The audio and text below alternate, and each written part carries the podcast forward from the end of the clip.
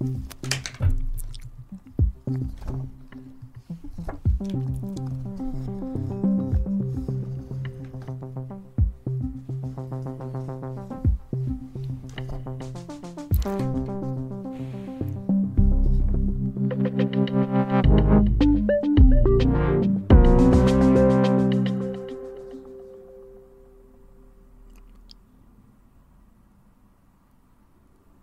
Bliver i dag en øh, skæbnedag på de danske hospitaler, eller kommer det til at gå sådan øh, stille og roligt, og ikke noget, øh, der kommer ikke til at ske noget særligt? Der er jo varslet masse opsigelser.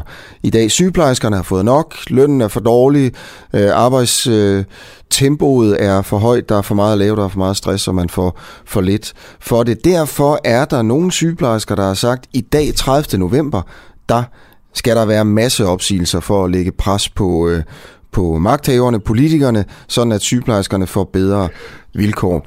Luca Pristed, øh, du er sygeplejerske på Rigshospitalet. Du står som frontperson øh, øh, i det her initiativ. Øh, hvornår har du tænkt dig at sige op? Godmorgen. Godmorgen. Jamen, øh, jeg ligger min opsigelse her i dag, når jeg har mødt ind og lige falder ned til ro efter min cykeltur. Og, og hvor, hvornår kommer du ind? Jeg møder 7.30. Så det er om en halv time, du siger op. Hvor mange ja. kommer til at sige op sammen med dig? Jamen det er ukendt, hvor mange det er jo, fordi det, det er noget, vi har skulle være hemmelige omkring, fordi at det er jo overenskomststridigt, det vi laver med og, og jeg, eller jeg laver med at opfordre til kollektiv opsigelse. Så jeg har jo sagt ud til folk, de skal sige op på grund af arbejdspresset og de dårlige vilkår og løn, og at man ikke længere kan være så til ansvar for, hvordan det sundhedsvæsen ser ud, som vi har nu. Mm. Men har du en idé om, hvor mange der kommer til at gøre det? Fordi det er jo det, der også øh, er det helt store spørgsmål. Man kan jo se, du på forsiden af flere øh, aviser her til morgen, netaviser i hvert fald, ikke? Øh, Lukas siger op øh, i dag, og det er den 30. november. Du har ligesom øh, haft det her i støbeskeen i lang tid jo. Øh, et slag på tasken. Altså man kan sige, med, med de forbindelser, jeg har fået mig under alle de her arbejdsnedlæggelser, hvor vi jo altså har lavet en styregruppe, som har sygeplejersker rundt om i hele landet. Der kan jeg høre overalt, at der er bred opbakning, og der er mange, der har øh, tænkt sig at indlevere deres opsigelser. Så jeg regner med øh, i hvert fald 1000 sygeplejersker eller andet sundhedsfagligt personale, der siger op i dag. 1000? Og er det mange? Det er mange i et system, hvor vi allerede har så stor personalemangel, at patienter ligger og dør på gangene, og at der sidder sygeplejersker og græder nede i omklædningsrummet, fordi de simpelthen ikke øh, kan udføre tilstrækkelig pleje på grund af, hvordan det ser ud i sundhedsvæsenet i dag. Har du set det? Det har jeg set. Jeg har oplevet det. Jeg har også selv øh, grædt nogle gange, mens jeg har arbejdet som sygeplejerske, fordi det simpelthen tager så hårdt på en, at man ikke kan udføre sit job ordentligt. Hvornår har du grædt? Hvornår præcis, det kan jeg ikke lige sige nu. Mm. Kan men, huske, øh, hvor, hvor du græd henne? Jamen, jeg har grædt med, jeg har arbejdet som øh, på akutmodtagelsen. Jeg har grædt, mens jeg var studerende flere gange, fordi det, det er hårdt at være i. Og hvad er det, man græder over? Du græder over, at du er på arbejde, og du kan se patienter, der har brug for dig, og du ikke kan være der for dem. Du græder over, at, at det er et hårdt arbejdspres, og, og der bliver hele tiden bygget flere opgaver på, og du må hele tiden løbe fra en opgave til den næste, for at prøve bare at holde lidt sammen på det. Du skal arbejde ekstra, du skal arbejde mere, du bliver pålagt vagter. Altså, det er bare et pres, som er, som er helt urimeligt at kræve af en faggruppe. Og når Mette Frederiksen så går ud og siger, at vi skal lave en ekstraordinær indsats, så er det bare, at filmen knækker for de fleste af os. Hvis der er syg, jeg skal bare lige sige, Lukas, hæng lige på to sekunder, hvis der er nogen derude, hvis der er sygeplejersker her til morgen, som lytter med, skriv ind til mig øh, 1245, øh, så skriv DUA først på sms'en DUAH, eller skriv ind på, på, øh, på Facebook, øh, og så fortæl mig lige om du, hvis du altså er sygeplejerske, har tænkt dig at sige op på grund af det her, Susanne Kjellerup, er den første, der skriver ind på Facebook her til morgen. Hun skriver bare, godmorgen, godmorgen tilbage, Susanne. Tak fordi, at øh, du lytter med. Luca, du siger, at du græder, fordi det er synd for patienterne. Øh, du, du, har, du er frustreret over, at du ikke kan yde dem den hjælp som, og den pleje, som de skal have. Uh, hvad tror du konsekvenserne vil være ved, at der er tusind sygeplejersker, der siger op i dag?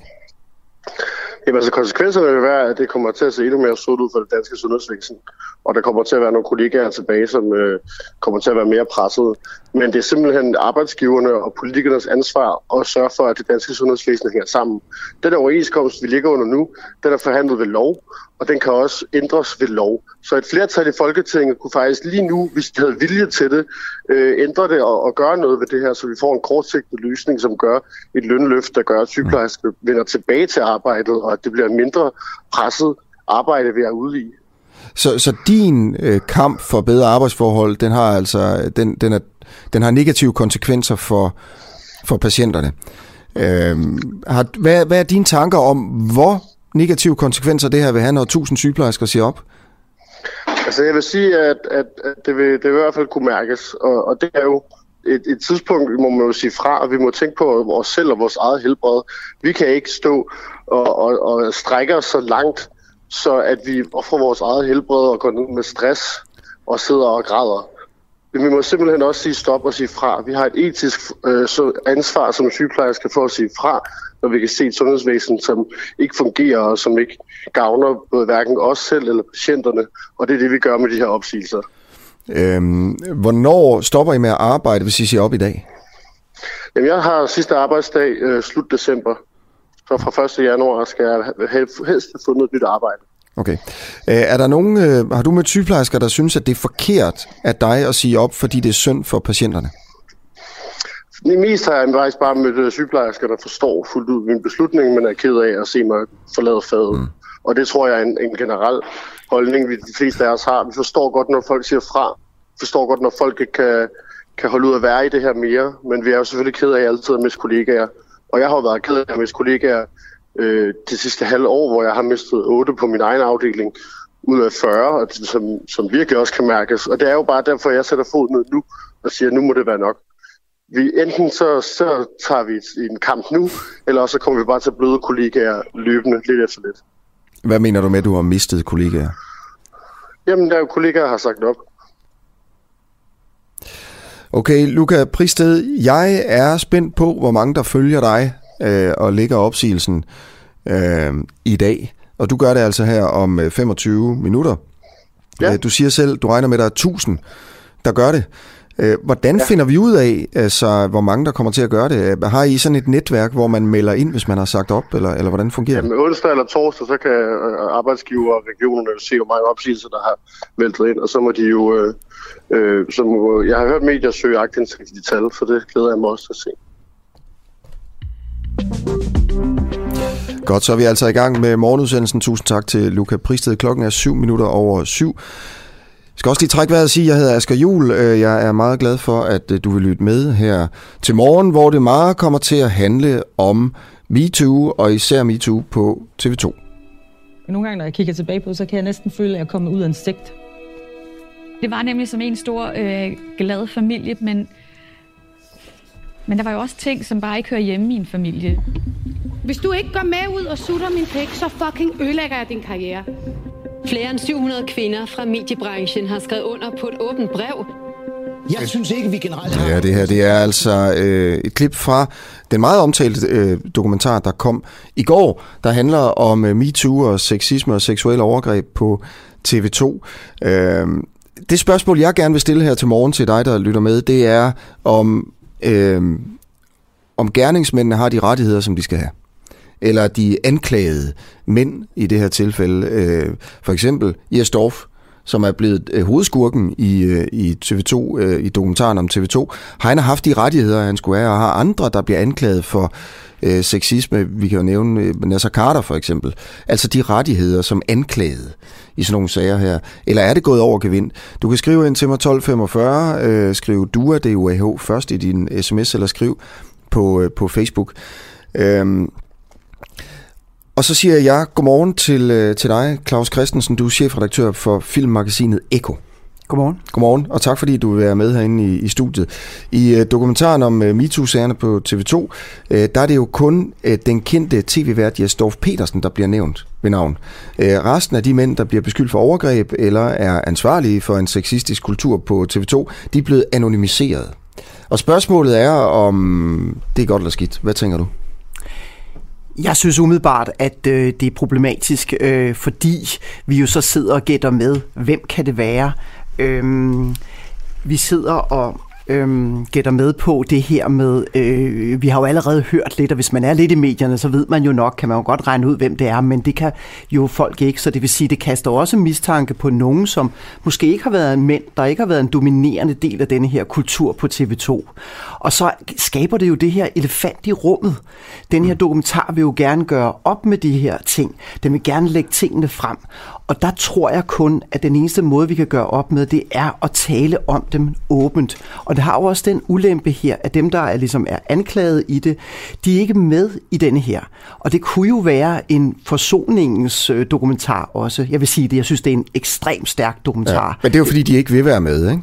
Jo, det er det. Ja. Og, det og det kan man sige, det er jo, øh, i, viser jo også bare, at der er stadigvæk et meget, meget stort problem. For TV2 vil jo gerne tale om det her som noget, der foregik for 20 år siden. Men der synes jeg, at pointen her er, det er, vi har stadigvæk et problem. Og det synes jeg, at denne her dokumentar også overbeviser om. Øh, du er jo filmredaktør, eller chefredaktør for filmmagasinet Eko her, ikke? Øhm, jeg går ud fra, at du har set alle tre. Ja. ja. Øh, vil du prøve at beskrive sådan, hvad det er, der, der står tilbage for dig, efter at have set dem? Det står, altså, øh, dels det, det, man vidste i forvejen, at TV2 var en fantastisk arbejdsplads, det var en spralsk arbejdsplads, det var en fandenivoldsk arbejdsplads, det var en innovativ arbejdsplads, de var enormt dygtige og enormt arbejdsomme. Det, der står klart for mig, det er den her bagside af medaljen, som jo altså handler om en kultur, som var præget af nogle, ja lad os bare sige det lige ud, liderlige alfahander, som altså tog for sig af godterne, altså, og det var praktikanterne, øh, og så havde denne her kultur, som var en festkultur, som også var ja, en drukkultur, øh, og hvor grænserne gled sammen. Det er jo sådan, at øh, hovedkvarteret ligger i Odense. Mm. De fleste boede i København, det vil sige, at man havde pendlerlejlighed. Man havde ikke så meget andet at lave, så man kunne arbejde, og så kunne man feste. Og der var der altså en kultur, hvor, øh, som var en sexistisk kultur, som gik ud over de unge praktikanter. Og det, som for mig at se, er det måske mest øjneåbnende, det er hovedkilden her, som hedder øh, Therese Philipsen. Hun kom ind som praktikant. Og det, som jeg synes er det stærkeste i den fortælling, det er, øh, og det er en af de stærkeste MeToo-fortællinger, jeg har hørt, fordi hun erkender, at hun faktisk jo var med på det. Ja. Hun havde jo den første leder, øh, eller øh, sådan stjerne, var hun forelsket i, så hun ville det gerne. Og så beskriver hun simpelthen, hvordan det her udvikler sig til noget, hvor hun bliver udnyttet. Og hvordan gjorde hun det? Jamen, hun, hun øh, øh, går, i, går i seng med denne her person, som ikke bliver navngivet her, mm. og får et forhold til ham, men får så også opdaget, jamen, han har jo et liv ved siden af, så hun kan ikke bare lige ringe til ham. Og så kommer der pludselig det, som jeg synes er det uhyggelige i den. Det er, at der er en aggression over fra de her mænds side. Der er for eksempel siger, nu skal du komme ud, og så, og så skal vi gå i bollerummet. Øh, der er denne her, de har sådan et internt kommunikationssystem, øh, hvor man kan skrive beskeder, der hurtigt bliver slettet. Der kommer der pludselig sådan seksuelle beskeder, øh, grænseoverskridende beskeder, så tingene glider fuldstændig sammen. Og denne her øh, kvinde, unge kvinde, hun er 23 år, mm. hun kan jo hverken finde ud af efterhånden, hvad der er op og ned. Pludselig har hun et forhold til to chefer, øh, en absurd absurd situation, hvor de også er sådan jaloux på hinanden. Øh, og i det hele taget, så så det er så også hende, der har fortællingen om Jesdorf, som jo er den eneste, der bliver nævnt, som du, som du siger, og som jo også selv har været fremme. Og, og der udvikler det sig jo i en, i en endnu mere sådan aggressiv øh, retning. Så det er en glidebane for hende. Og, og det, som står klart for mig, det er, det her er jo ikke en lige, redaktion, lige relation. Det er en magtrelation, mm. fordi øh, hun kan hun kan blive fyret om mandagen. Og det er det, som denne her øh, viser. Den viser også, at de her, øh, hendes, der skulle være hendes medsøstre, øh, i stedet for at hjælpe hende, fordi alle ved mere eller mindre, at det her foregår, jamen så øh, sladrer de og så videre. Og der synes jeg, at de kvinder, der er med, meget modigt går frem og taler om deres skyld i mm. det her også. Okay. Og du siger så, at, at de her chefer, for eksempel, der, der gør de her ting, at de bliver ikke navngivet. Øh, og altså, nu, nu spørger jeg bare, ved du, hvem det er? Jeg har et godt bud, ja. Ja. Altså, den ene af dem er jo blevet fyret, så det øh, øh, er Jens Skovbo. Det ved man jo. Øh, Det kom jo frem, og så videre, hvor han også har kendt, at han havde haft dårlig dømmekraft. Men igen synes jeg, at det er en meget sådan vag formulering af, når man nu hører de her øh, historier her. Mm. Og øh, en af de andre, øh, der kan være flere, men en af de andre er jo den, der var nyhedschef i, fra 2002 til 2015, nemlig Michael Dyrby, og som i dag er ansvarshavende redaktør på BT. Hvor, hvorfor nævner du ham, hvis du ikke ved, at han har gjort det, som du lige har nævnt her? Hvis ikke jeg ved, om han du har ved, gjort du, det. Altså, du ved du, han har gjort det? Du, lige, du har lige beskrevet nogle Ja. situationer med nogle chefer, ikke? Ja. Og øh, så nævner du så Michael Dyrby. Altså, mm. ved du, at det var ham? Jeg ved i hvert fald øh, så meget, at øh, Anna øh, Thysen, som jo var ansat på TV2 mm. i går, var ude og sætte navn på ham. Hun har den her fortælling om er en mand, rigtigt. hun sidder Vi tager den lige om lidt. Hvis Ja. ja. vi, den, den, Okay. den episode, du beskrev lige før, ikke? Mm. Øhm, ved du, at det var Michael Dyrby? Hvilken episode? Du beskrev en episode med nogle, med nogle chefer, der havde øh, et, et forhold til hende her Teresa, Mm. Hvor hun ikke vidste, om hun kunne blive Jeg ved ikke, altså, om det dagen efter. konkret, øh, jeg ved ikke, om det konkret var ham der, Nej. men jeg ved så meget, at Michael Dyrby var en dominerende skikkelse i denne her ja. Kultur. Og jeg ved Hvor også... ved du det fra? Ja, det er øh, mere eller mindre almen viden. Hvad altså, mener du? Jamen, det, Er det ikke bare rygter? Nej, jeg vil, jeg vil sige også hans egne forklaringer, hans egne, han har jo selv været ude og påtage sig noget af skylden og sagt, at han ikke så nok osv. Og, så videre. og nu er der så også en, der har været ude og, og decideret sætte navn på ham. Ja. Det var jo en, en chefgruppe, øh, som Jes Dorf har jo selv, selv været ude, og hans bedste ven var Michael Dyrby. Han var en dominerende faktor. Han blev øvrigt selv øh, fyret på TV2 øh, på grund af en sexskandale. Øh, i, I 2015 måtte han træde tilbage, eller valgte at, at, at, at gå der. Så, så det er ret tydeligt, at det er, der kan være andre her. Hvis vi lige tager... Grund til, at spørger ind til mm. det, det er fordi, at det er jo det her øh, finblad, man skal gå på, ikke også? Og, og du nævner ham her, og så siger man, det er almen viden, ikke? Øh, men altså, det er det jo ikke nødvendigvis. Det er sådan noget, der skal jo dokumenteres, før man nævner altså, noget. der har ikke? vi jo nogle vidneudsagn nu, og der er det ja. selvfølgelig svagheden er, at der ikke bliver sat navn på, så ja. er de der elefanter. Så du kan jo ikke vide, om, om nogen af dem i dokumentaren egentlig snakker om ham. Jo, det kan jeg. Og det kan jeg, fordi i går var Anna Thysen har valgt, som jo er kommunikationsrådgiver i dag, hun valgte i går at gå ud og fortælle, hun deltager i den her dokumentar med en historie, som jo næsten er på, på niveau med Sofie Linde, om hun sidder efter en julefrokost i bussen, sætter sig tilfældigt ved siden af Michael Dyrby, og øh, han spørger hende sådan om, hvad vil du så her på stationen? Og hun siger, ja, men jeg vil da gerne, øh, jeg vil da gerne øh, noget her, jeg er der, er der interesseret, jeg er der ambitiøs, ja. og hvor han så siger, jamen du har ikke en chance, du er for gammel, du er for rapkæftet, og jeg gider ikke gå i seng med dig. Ja, han siger Jeg faktisk... gider, jeg gider ikke knippe dig. Og for, ja, du bliver aldrig til noget her. Du er for gammel, fordi du er for gammel, fordi du er for rapkæftet, og fordi jeg ikke vil knæppe dig. Mm. Siger hun, at han har sagt. Mm. Men han siger jo, det har han ikke sagt. Mm. Og han påstår, det er ikke sket. Så altså, det, det- du ved, det er jo påstand mod påstand. Og man er vel uskyldig, indtil det modsatte bliver bevist. Det er klart. Eller hvad? Jo, Det- selvfølgelig, selvfølgelig Okay. er, du, er, du, er du uskyldig, men hvorfor... Så vi, du ved vel ikke, om han har gjort det? Altså, jeg prøver bare at gå til dig med det her, mm. ikke? Også fordi det vil jeg, gerne, det, jeg vil gerne have, det bliver min vinkel her til morgen også. Altså, er vi for fordømmende over for dem, der bliver anklaget? Har de rettigheder nok i det her? Ved du, den, du, du nævner den her episode, ikke? Vi ved jo, Michael Dyrby var en del af det her, siger du. Fordi Anna Thysen øh, er ude og sige det her. Men ved du, at det er sket? Den episode der. Ja. Vi ved så meget, at Anna Thysen øh, dengang fortalte andre om det. Hun er jo en, der, der jo øh, siger sin mening. Hun fortæller andre om det om mandagen. Det, det er jo øh, fuldstændig øh, dokumenteret. Øhm, så øh, jeg forstår ikke helt, altså det var en etableret del af denne her. Han var den, den lederen der. Og det, som jo desværre jo ikke kommer tydeligt nok frem, det er, hvem er det, der har været styrende i det her. Det er kun Jes Dorf, og grunden til, at man kun nævner Jes Dorf, det er jo så, fordi han selv har været fremme, og så i øvrigt benægtet noget af det. Mm. Så hvis vi tager det her med... øh, bare den her ting, der, der er fremme, det kom frem i går aftes, at Anna Thysen jo altså siger, at den... Hun har, hun har tidligere sagt, at der var en TV2-chef, der sagde sådan til mig, at hun ikke ville blive til noget, fordi han ikke ville knæppe hende. Øh, det er jo, det er jo hvad kan man sige, øh, det, det, det, det er en gammel historie, kan man sige. Det nye er bare, at hun nu sætter navn på, og det, hun siger så, at det var Michael Dyrby, der sagde det. Han var nyhedschef på, på TV2, og nu er han chefredaktør på BT. Og jeg har jo øh, stadigvæk meget ledelsesansvar. Så hvis det er ham, er det jo super vigtigt. Spørgsmålet er jo selvfølgelig også, om, om chefredaktøren på BT kan fortsætte efter, efter det her. Men pointen er jo også bare, han så, du nævner ham i dag her, ikke? Øhm, og jeg ved, at Anna Thysen har lagt billeder op af ham på, på Facebook. Øh, godt nok med sådan en lille bitte sort streg over øjnene. Øh, som om, at, at, at du ved, så skulle man ikke kunne genkende ham, men, men det er jo også fuldstændig latterligt, fordi alle kunne se, at det var ham.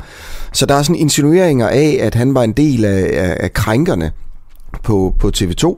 Du siger jo faktisk det samme her i dag, ikke? Øh, men beviser har du vel altså ikke nogen af?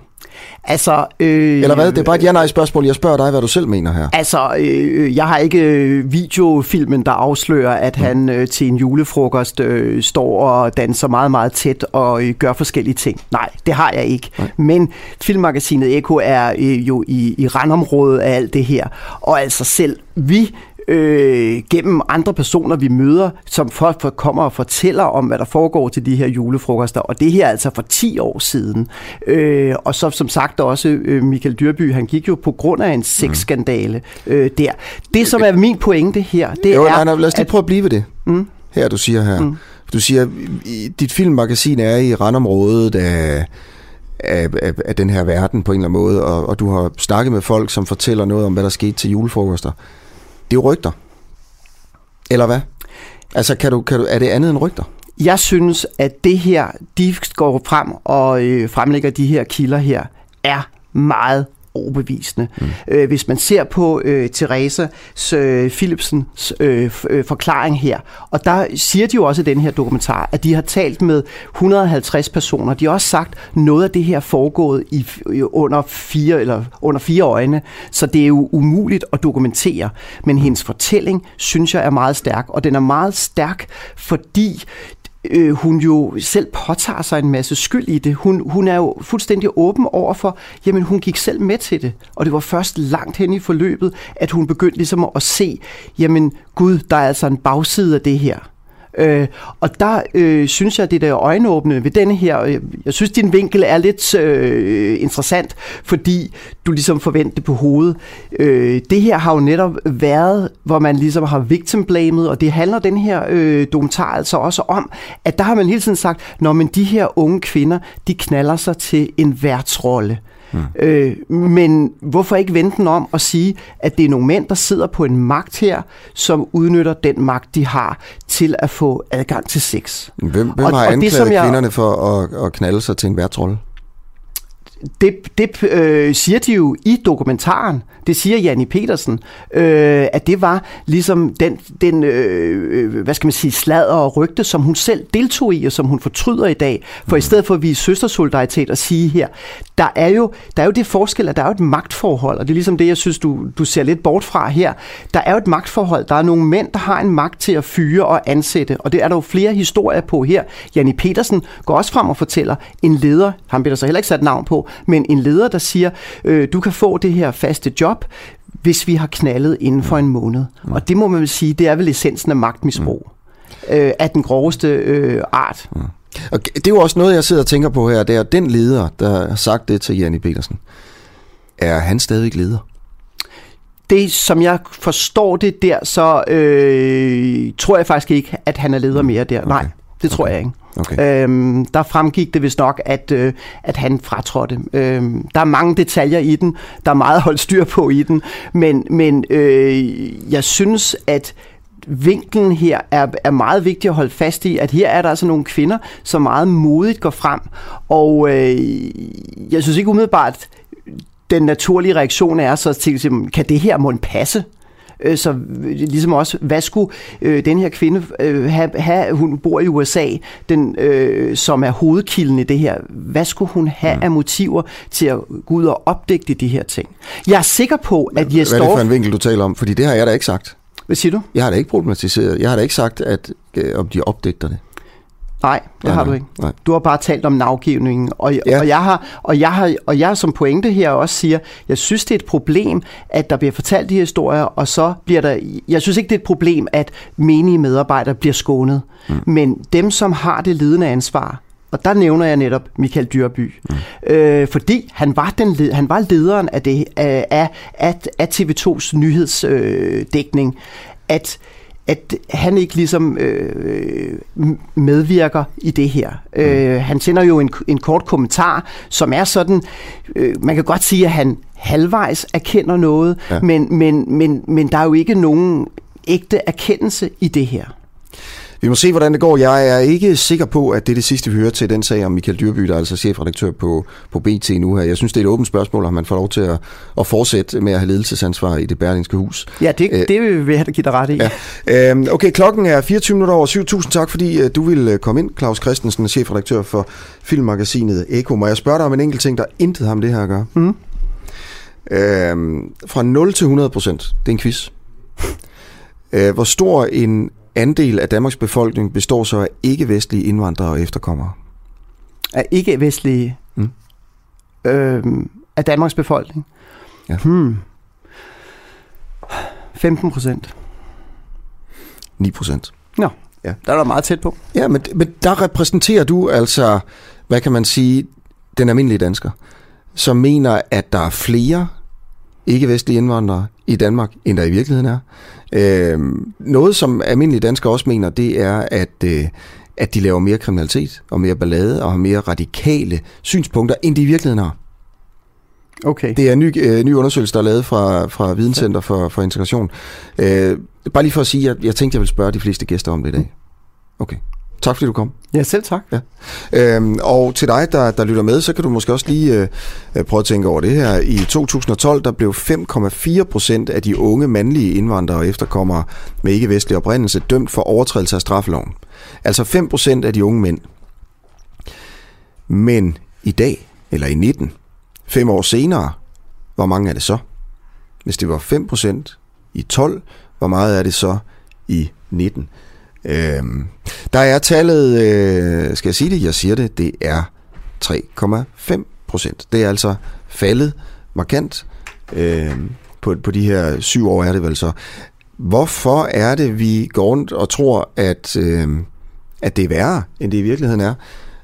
Det øh, kommer der bud på senere i udsendelsen. Jeg snakker med øh, manden, Øh, der, der, har led, der leder det videnscenter, som har lavet den her undersøgelse, som altså viser, at 74 procent af danskerne tror, at det står værre til med integrationen, end det i virkeligheden gør. Der kommer også noget kritik af undersøgelsen, fordi øh, spørgsmålet er, om, øh, om man så alligevel også kan konkludere det, og det bliver Marie Krav fra Dansk Folkeparti, der kommer ind for at, øh, for at snakke om det. Du lytter til Den Uafhængige. Klokken er 4 minutter i halv 8. En uafhængig morgen. Kritisk, nysgerrig og levende radio, som politikerne ikke kan lukke. Vi sender live alle hverdage fra klokken 7 til 9. Lyt med via vores app på DK4 DAB, fra vores Facebook-side, eller hvis du bor i hovedstadsområdet på FM-båndet 102,9. Tak til dig, som gør det muligt. Ja, som sagt, der er mit, øh, mit spørgsmål her til morgen om dem, der bliver anklaget for seksuelle overgreb, om de øh, også har den retssikkerhed, som de skal have. Og det kommer selvfølgelig, det er et spørgsmål, jeg stiller, det er klart, fordi at den her dokumentar om sexisme på TV2 havde premiere i går. Hovedskurken her, det var jo Jesdorf Petersen, den tidligere meget profilerede øh, vært på på TV2. Og nu har jeg fået besøg her i, i studiet af Anders Peter Mathisen, journalist, tidligere kavlingvinder. Godmorgen. Godmorgen. Øhm, prøv at du har gennemgået sagsforløbet og har haft adgang til dele af advokatundersøgelsen i Jesdorf Petersens sag. Hvad bider du mærke i der? Jeg bider mærke i, at jeg synes, at... Øh... Så lige mikrofonen lidt til Ja, okay. Jeg synes på en eller anden måde, at undersøgelsen er meget tynd. Og øh, jeg vil lige starte med at sige, at da det her skete i januar måned, mm. der fulgte jeg med i det, og jeg læste, øh, hvad, hvad der stod i aviserne, hvad der, altså dem, dem, som gik tæt på det. Og jeg så også Jesdorf selv i, i, i fjernsynet og sådan nogle ting. Og der tror jeg, jeg havde den samme opfattelse som de fleste at, øh, at den var helt gal. Jeg var ikke i tvivl om, at manden var, var skyldig i alt, hvad han sagde, eller hvad han blev anklaget for. Og øh, da jeg så af, af forskellige omveje faktisk får adgang til den sag, som, som, øh, som, han, er, som han har været igennem, så står det mig, hvor, hvor tyndt det var. Og jeg synes, at... Øh, Hvordan er det, du får adgang til, til sagen? Jeg begynder, jeg begynder at undersøge det, øh, mig og, og en kollega. Og på den måde, der kommer jeg så... Øh, altså, jeg, jeg får det, jeg står Jeg får alt, hvad der er. Mm. Og øh, jeg, jeg er simpelthen rystet over at høre, eller at, at læse, hvad advokaten skriver, hvordan den undersøgelse er, er, er lagt op. Og altså for eksempel, så, så, så, så, så troede jeg, at det var en stor undersøgelse med rigtig mange øh, deltagere. Mm. Fordi TV2 havde sagt ja til, at, øh, eller havde åbnet op for, at 3.000 mennesker, eller alle, der havde været der, alle, der havde været der i 30 år, hvilket nok er sådan en, en 3-4.000 folk, kunne henvende sig. Øh, men det var det ikke. Altså, der var, jeg ved ikke, om der har været mellem 16 og 50 henvendelser i den der, i den der periode, hvor det så viser sig, at der er rent faktisk meget, meget, meget få, for næsten ikke, næsten ikke at sige ingen øh, klager over både Gårdbo og, og Jesdorf, som er de to, der, som blev fyret. Men der er der er nogle, nogle, nogle anklager for, for, for én person, som er skyld i, at fyringerne finder sted. Der er, ikke, der, er, der er ligesom ikke rigtig andet på banen, hvor jeg, jeg, jeg tænkte, hvis det var for eksempel Kvinfo, som jo professionelt har lavet afdækninger af sexisme i, i, i politiske partier, og på politikken for eksempel, hvor de kaster et stort net ud. Ja. Nogle siger, at det der net måske var, var, var meget fint masket eller sådan noget, men de laver i hvert fald en, en generel undersøgelse for alle de folk, der har været til stede. Og så kommer de så til en konklusion på det. Her var det forbløffende få folk, der var med. Og altså nogle, altså nogle beskrivelser af nogle sager, hvor der er nogle meget forskellige meninger, som er foregået øh, helt tilbage i, altså samtidig med, at, at World Trade Center blev, blev, blev væltet i 2001. Det er virkelig, virkelig længe siden.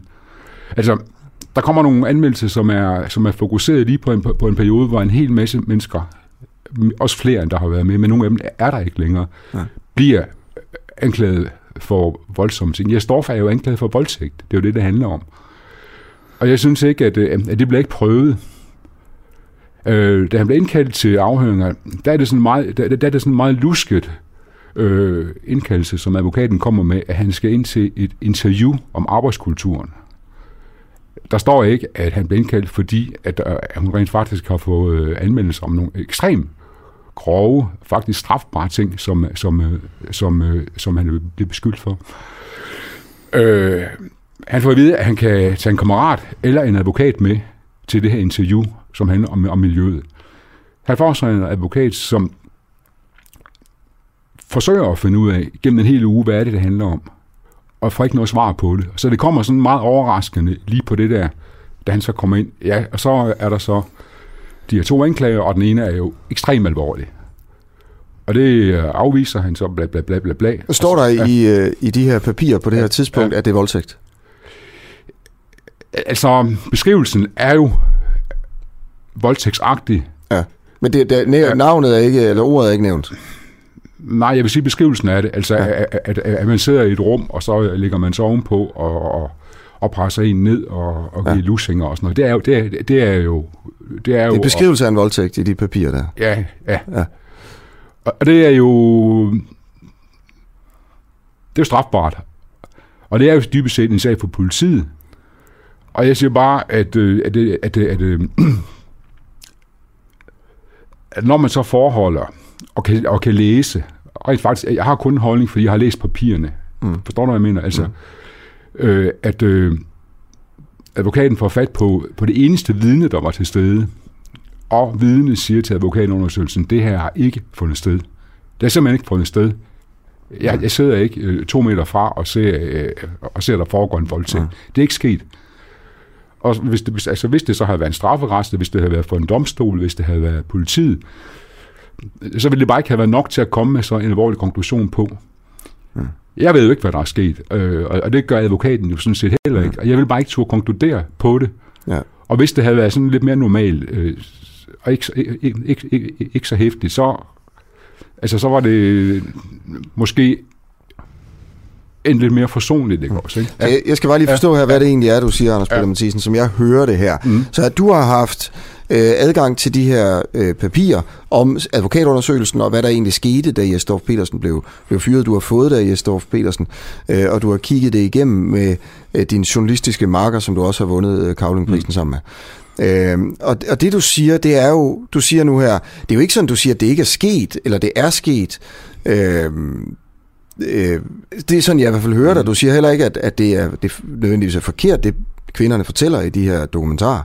Øh, du siger bare grundlaget for, for fyringen for eksempel dengang, og den måde, man laver advokatundersøgelsen på, da man indkalder Jastorf, er problematisk i forhold til hans rettigheder. Ja, det synes jeg.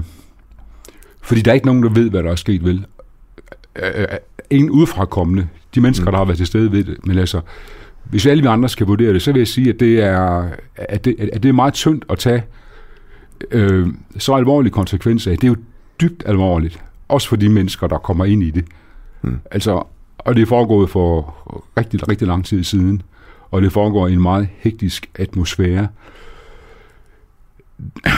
Dengang det her fandt sted, der var øh, samfundet anderledes. Ikke? Det er vi jo enige om. Ikke? Ja. Og, og det blev ikke problematiseret, at voksne, eller, altså at, chefer og medarbejdere øh, havde fader med hinanden. Det skete også på det skete også på for eksempel Dagbladet Information, altså det ved jeg, fordi det har man også snakket om, altså hvad, hvad fanden kunne tingene finde sted dengang, som vi i dag synes er så underlige. Og det har sådan været en generel tendens. Nu kommer der så nogle nye regler, kan man sige, i en ny folkestemning, som kommer sådan over i en blanding af noget jura og, og en gang massestemning og, og egentlig også lidt skolegårdsmobning og sådan noget, fordi, fordi Stof er jo dybest set blevet gjort ret meget til grin. Det synes jeg, fordi han har stillet sig op og sagt, jeg vil ikke, jeg vil ikke, øh, det, det her, det, jeg, jeg, jeg vil ikke finde mig i det og sådan noget. Altså, det, der, der er sådan noget, han, han er blevet fremstillet lidt som en, som en flæbeonkel, og han er ikke blevet taget alvorligt i det. Fordi jeg har læst papirerne, forstår jeg godt, at han, han er frustreret over den her proces. Det forstår jeg virkelig godt, for jeg synes, det virker, det virker tyndt, ikke? Okay. Og det, du, ja. det, du, det, de papirer, du til, henviser til, og som du nu siger, ja. det virker tyndt, den, øh, hvad kan man sige, proces, han har været igennem. Ja. Det er den øh, proces, som TV2 iværksætter selv øh, og får nogle advokater til at føre. Mm. Altså advokatundersøgelsen, der fører til hans fyring. Ja, det er det. Okay. Ja. Øh, har der været en, en, en rigtig politisag efterfølgende? Ja, ikke meget bekendt. Og det var der heller ikke dengang. Og det, og det kommer der... Nej, der har ikke været nogen politisag, men det burde der jo egentlig have været. Der minder det en lille smule om, om Nasser Carter-sagen også, hvor der heller ikke øh, jo er et retsligt, retligt efterspil. Eller hvad?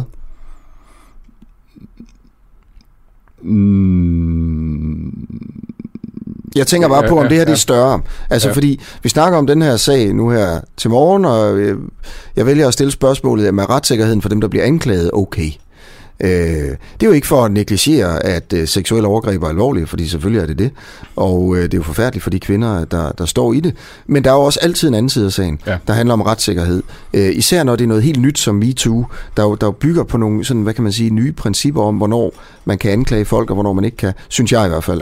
Ja. Øh, og det starter jo helt med Harvey Weinstein, øh, alt det her. Så hvornår må man navngive for eksempel et, en skurk?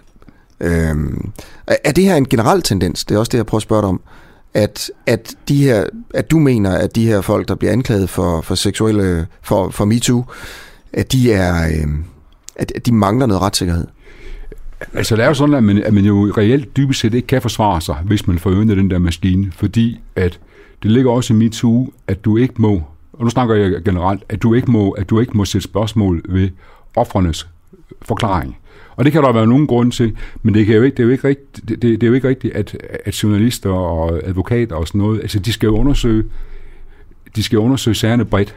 Altså man, man kan jo ikke sige, at, at øh, en anmelder har ret, fordi anmelderen er, er krænket. Jeg siger bare, at, at der, skal være, der skal være mulighed for, og man skal have lov til at stille spørgsmål hele vejen rundt, for at kunne give et billede af det. Ikke?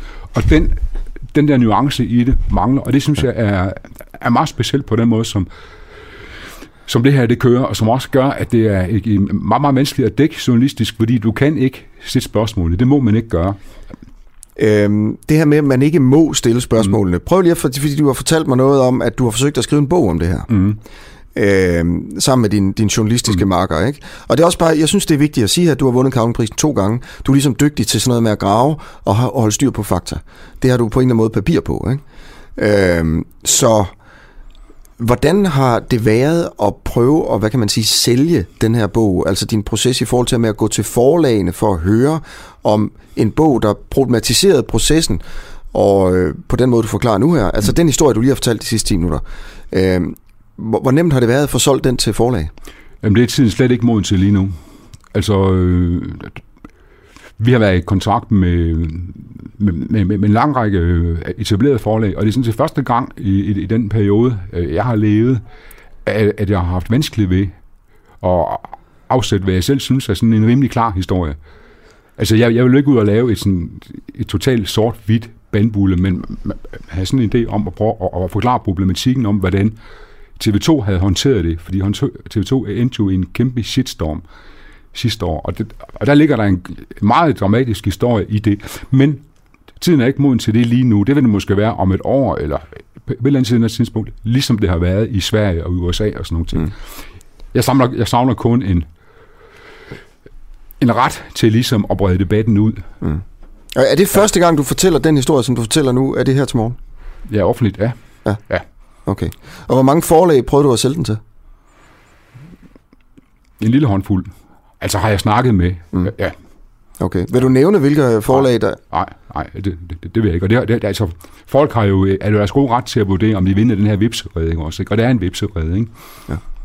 Okay, Anders Peter ja. Mathisen, tak fordi du ville komme ind her til morgen og fortælle historien. Øh, journalister, altså øh, dobbelt vinder af Kavlingprisen, som jo mener, at det er en tynd kop te, øh, øh, øh den øh, advokatundersøgelse, der... Øh, øh, der lå til grund for, at Jes Dorf, han blev, han blev fyret fra, fra TV2, som på mange måder startede det hele her. Øh, der er altså nogle, øh, nogle problemer i forhold til retssikkerheden her, mener øh, Anders Peter Mathisen. Og det er altså det spørgsmål, jeg stiller her til morgen også, og jeg kan næsten fornemme, at det er et spørgsmål, som også der er mange, der synes, det er en... Øh, øh, et åndssvagt spørgsmål, fordi at det på en eller anden måde går den forkerte vej her. Det kan jeg jo se på, på kommentarerne. Men det er bare sådan, det er. Der er også nogle af jer, der skriver inde på Facebook, at det er en vigtig vinkel. Øhm, øh, så er der altså også lige en, der skriver, det er faktisk en af mine kollegaer, Clara Vind, der skriver, øh, lige inden jeg siger helt farvel til dig, Anders Peter øh, Mathisen. Har du snakket med kvinderne? Eller har du kun snakket med Jes Petersen? Jeg har snakket med, jeg har snakket med øh, 25-30 mennesker eller sådan noget, altså, som, har, som har været tilknyttet TV2. Ikke? Har du snakket med kvinderne? Jeg har snakket med nogle kvinder, ja. Okay. Ja. Øh, tusind tak for det. Anne Martin skriver, at det virkelig et interview, det interview, der skal på i dag, kommer morgen. Hvad med at tale med en af de kvinder, øh, som i de her dage skal udskamme sig hele landet for at have insisteret på at fortælle deres historie, men de har selvfølgelig ikke vundet en kavlingpris.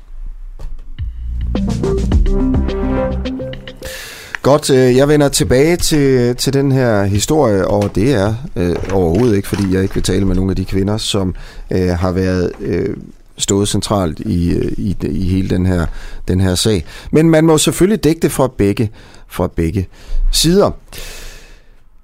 Godt. Øh, vi skal til noget helt andet nu. Det handler om, øh, om det danske krigsskib, som har lige i lasten, som Ekstrabladet egentlig så, så, så fornemt formulerede det. Øh, der er altså fanget fire pirater, som har overlevet en ildkamp med et dansk krigsskib. De fire pirater er nu inde i flådens skib, Esbern Snare. Det var i sidste uge, at der udbrød ildkamp øh, mellem en gruppe af formodede pirater, skal man huske at sige, øh, og så Esbern Snare i Guinea-bugten i Vestafrika. Og flere, fire af de formodede pirater de blev dræbt, og fire andre overlevede og blev altså tilbageholdt på skibet, hvor de stadigvæk er.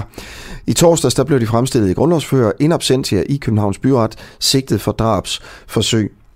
Men det foregår jo helt nede i Afrika, så hvor skal de dømmes? Hvad skal der ske med dem? Ender de her mennesker i Danmark? Eller hvad i alverden gør vi ved dem? Birgit Feldman, du er professor i havret på Aalborg Universitet. Du er også ekspert i pirateri. Du må være den helt rigtige her. Øh, hvor skal de dømmes henne? Godmorgen. Godmorgen.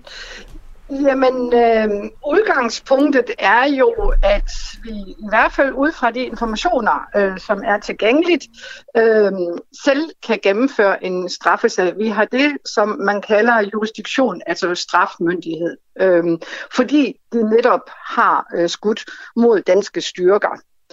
Så det er en mulighed, men i en konkret sag kan der være flere, som sådan set har jurisdiktion og som kan gennemføre en straffesag.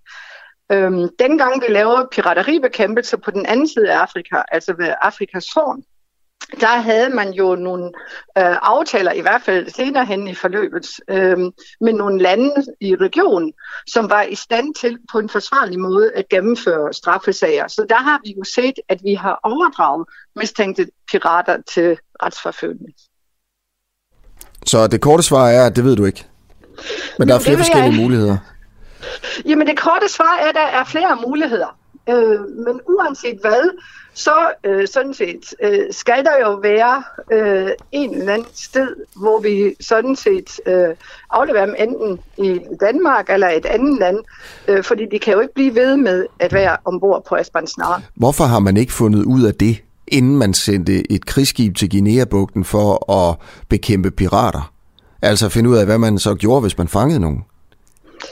Jamen, det er jo et godt spørgsmål, og der er jo nok ikke den rigtige øh, et svar på. Altså man kan sige, at øh, nogle af de spørgsmål, som nu opstår, de er ikke nye, fordi vi har jo prøvet sådan set det hele før, da vi deltog i pirateribekæmpelse ved Afrikas Horn mellem 2008 og 2016. Så de her spørgsmål, det er ikke første gang, de opstod. Og nogle af de problematikker, vi ser nu, det så vi også dengang, vi startede i Østafrika. Øhm, og så var Danmark faktisk en af de lande, som var meget aktiv i den proces at finde nogle regionale løsninger. Ja. Problemet ved Vestafrika er sådan set, at der er en lidt anden kontekst, fordi øh, de lande, som er ved Guinea-bugten, de er sådan set ikke interesseret i, at blandt andet Danmark kommer og, og øh, øh, laver politiarbejde, så at sige, på det åbne hav. Øh, så konteksten er mere kompleks i virkeligheden på nogle punkter. Lad os lige prøve sagen kort her. Ikke? Øh, efter at øh, krigsskibet Spansnare, øh, det er altså dernede i Guinea-bugten og patruljerer, ikke? og så får øh, skibet nogle efterretninger om formodet pirateri i området, og så sætter man helikopteren øh, afsted. Og i løbet af eftermiddagen, der kunne den melde, melde tilbage, at man havde fundet nogle formodede pirater øh, et, øh, altså en båd, der havde kurs mod et handelsskib, der sejlede under hollandsk flag, og man tænker, okay, det er pirater. Så sætter man frømandskorpsets båd i vandet. Øh, og der bliver altså givet advarselsskud mod de formodede pirater, men øh, piraterne stanser ikke. I stedet for så begynder de, sådan, kan man se, at smide ting over bord. Øh, frømændene begynder øh, prøver at komme på skudhold af piratbåden for at ramme motoren, fortæller specialanklageren, men da frømandskorpset kom tæt på, så begynder bådens besætning at skyde tilbage mod dem. Øh, og, og så har man altså ildkamp, der starter her, og frømændene besvarer ilden, og ingen danske soldater, soldater kommer til skade under operationen, men fem pirater bliver altså ramt, og fire af dem dør, og en bliver såret. Og efter ildkampen, så synker piratskibet, og de fire overlevende øh, og de fire døde, de bliver taget ombord på Esbern Nare, øh, og den ene er altså øh, blevet opereret. Og der er de stadigvæk. Og grunden til, at øh, man taler om det her med, hvor, hvor skal de dømmes, hvor skal de, hvad skal der ske med dem, øh, det er jo et, øh, altså det er jo på en eller anden måde, øh, tror jeg, der er nogen, der tænker lidt absurd, at politikerne ikke har ligesom fundet ud af det her, inden man sender et skib afsted. Men på den anden side, kunne det være, at de ender i Danmark. Altså i sidste instans kunne det være, at de skal afzone i Danmark, i et dansk fængsel. Er det en mulighed? Altså retligt set er det helt klart en mulighed, øh, ja. som sagt, fordi der er en helt klar tilknytning til Danmark, fordi de har skud mod danske øh, ja, okay. soldater. Og, og hvad så når øh, de er, altså hvor lang tid øh, vil de skulle afzone cirka, hvis, hvis de bliver dømt øh, i Danmark og skal afzone i Danmark i et dansk fængsel, hvor, hvor lang tid vil de så skulle sidde der? Altså, øh, det er jo selvfølgelig svært at sige, fordi det er domstolene, som jo skal på det første øh, finde vedkommende skyldig øh, og, og foretage bevisvurdering. Det er jo ikke øh, sådan en professor for mig, som gør det fra afstand. Men der er jo rejst sigtelse for drabsforsøg, og det er en meget, meget alvorlig øh, ja. lovovertrædelse, øh, som kan give meget lang fængselsstraf. Okay, det er så, der ingen tvivl om. så de, de risikerer at komme i fængsel i lang tid, de fire her, de fire pirater, Ja, hvis de altså bliver dømt. Selvfølgelig, de bliver dømt, ja. Forudsat, de bliver dømt. Hvad så, når de... Øh, hvis, hvis, de nu, hvis vi nu siger, at altså, de overstår deres fængselsstraf, eller de ikke bliver dømt, det kan også være, at man ikke kan bevise det jo, øh, efter en retssag, og de er i Danmark. Øh, ja. Altså, hvis nu at deres hjemland ikke vil tage imod dem, er der så Jamen, en er jo- risiko for, at de bare ender i Danmark resten af deres liv? Jamen, der er jo, det er en risiko for det. Øh, fordi øh, for eksempel kan vi jo ikke sende folk tilbage til en situation, hvor man formoder, at de bliver udsat for tortur, Nej. øh, for eksempel. Så det afhænger jo for det første, hvor de kommer fra. Og er det ikke Hvad rigtigt forstået, undskyld jeg afbryder dig, at mange af de her vestafrikanske lande netop øh, udsætter folk for tortur, og derfor er det problematisk? Det synes jeg, jeg læste i en artikel nemlig.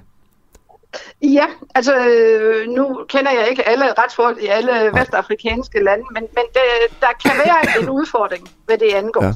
Ja. Øh, og det er jo selvfølgelig det samme, hvis vi kan finde en land i regionen, altså i Vestafrika, som kunne tænke sig at gennemføre en straffesag, så skal vi jo sikre, at det sker under forsvarlige forhold. Så vi kan simpelthen risikere, at der er fire vestafrikanske sørøvere, der ender øh, med at tilbringe resten af deres liv i Danmark, fordi vi sender et øh, krigsskib ned for at forhindre, at et hollandsk fragtskib bliver angrebet af pirater øh, ud for den vestafrikanske kyst. Ja, men det er jo ikke, vi er der jo ikke kun for at øh, sådan set beskytte hollandske fartøjer. Altså, det er jo øh, danske skibe, ja. som opererer i området, øh, og danske rædderier har i lang øh, tid faktisk påpeget den problematik, der er i Vestafrika i forhold til pirateri. Øh, I det her konkrete tilfælde var det så et hollandsk skib, men det kunne lige så godt have været et dansk skib. Okay, Birgit Feldmann, det bliver spændende at se, hvad der sker her, hvor øh, de ender hen, hvor de skal dømmes, øh, og hvor Esbern Snare sejler hen. Altså, hvor, hvor kan jeg vide, hvor Esbern Snare ligger til næste gang? Ja, det bliver interessant at se. Okay. Birgit Feldmann, du er altså professor i havret og ekspert i pirateri ved Aalborg Universitet. Tak for det. Velbekomme. Ja, 10 minutter i øh, 8. Du lytter til, øh, til den uafhængige. Øh, skriv ind til mig, hvis du har en kommentar til, til udsendelserne øh, eller til indslagene i dag. Hvis du, hvis du har en holdning til det her med, øh, øh, med, med de anklagedes øh, retssikkerhed i MeToo-sager i forbindelse med sexisme-sagen for, på, på TV2, der jo kører for fulde gardiner lige nu. I går aftes blev øh, chefredaktøren på BT nævnt øh, af Ekstrabladets Anna Thysen som en en, øh, altså en, hvad kan man sige, en gerningsmand i, i MeToo, eller hvad, hvad kalder man den slags ting, altså en, der har øh, haft krænkende adfærd. Han skulle, øh, ifølge øh, Anna Thysen, som er kommunikationsrådgiver, have sagt en gang for nogle år siden, at, øh, nu skal jeg lige finde citatet her, de sad altså i en bus på vej hjem til en fest, og, Michael Dyrby, som nu er chefredaktør på BT, han var også chef på TV2 dengang, øh, de sidder, øh, og hun snakker om, at hun gerne vil blive til noget som journalist, og så siger Michael Dyrby angiveligt til hende, du bliver aldrig til noget her på TV2, du er for gammel, du er for rapkæftet, og fordi jeg ikke vil knæppe dig.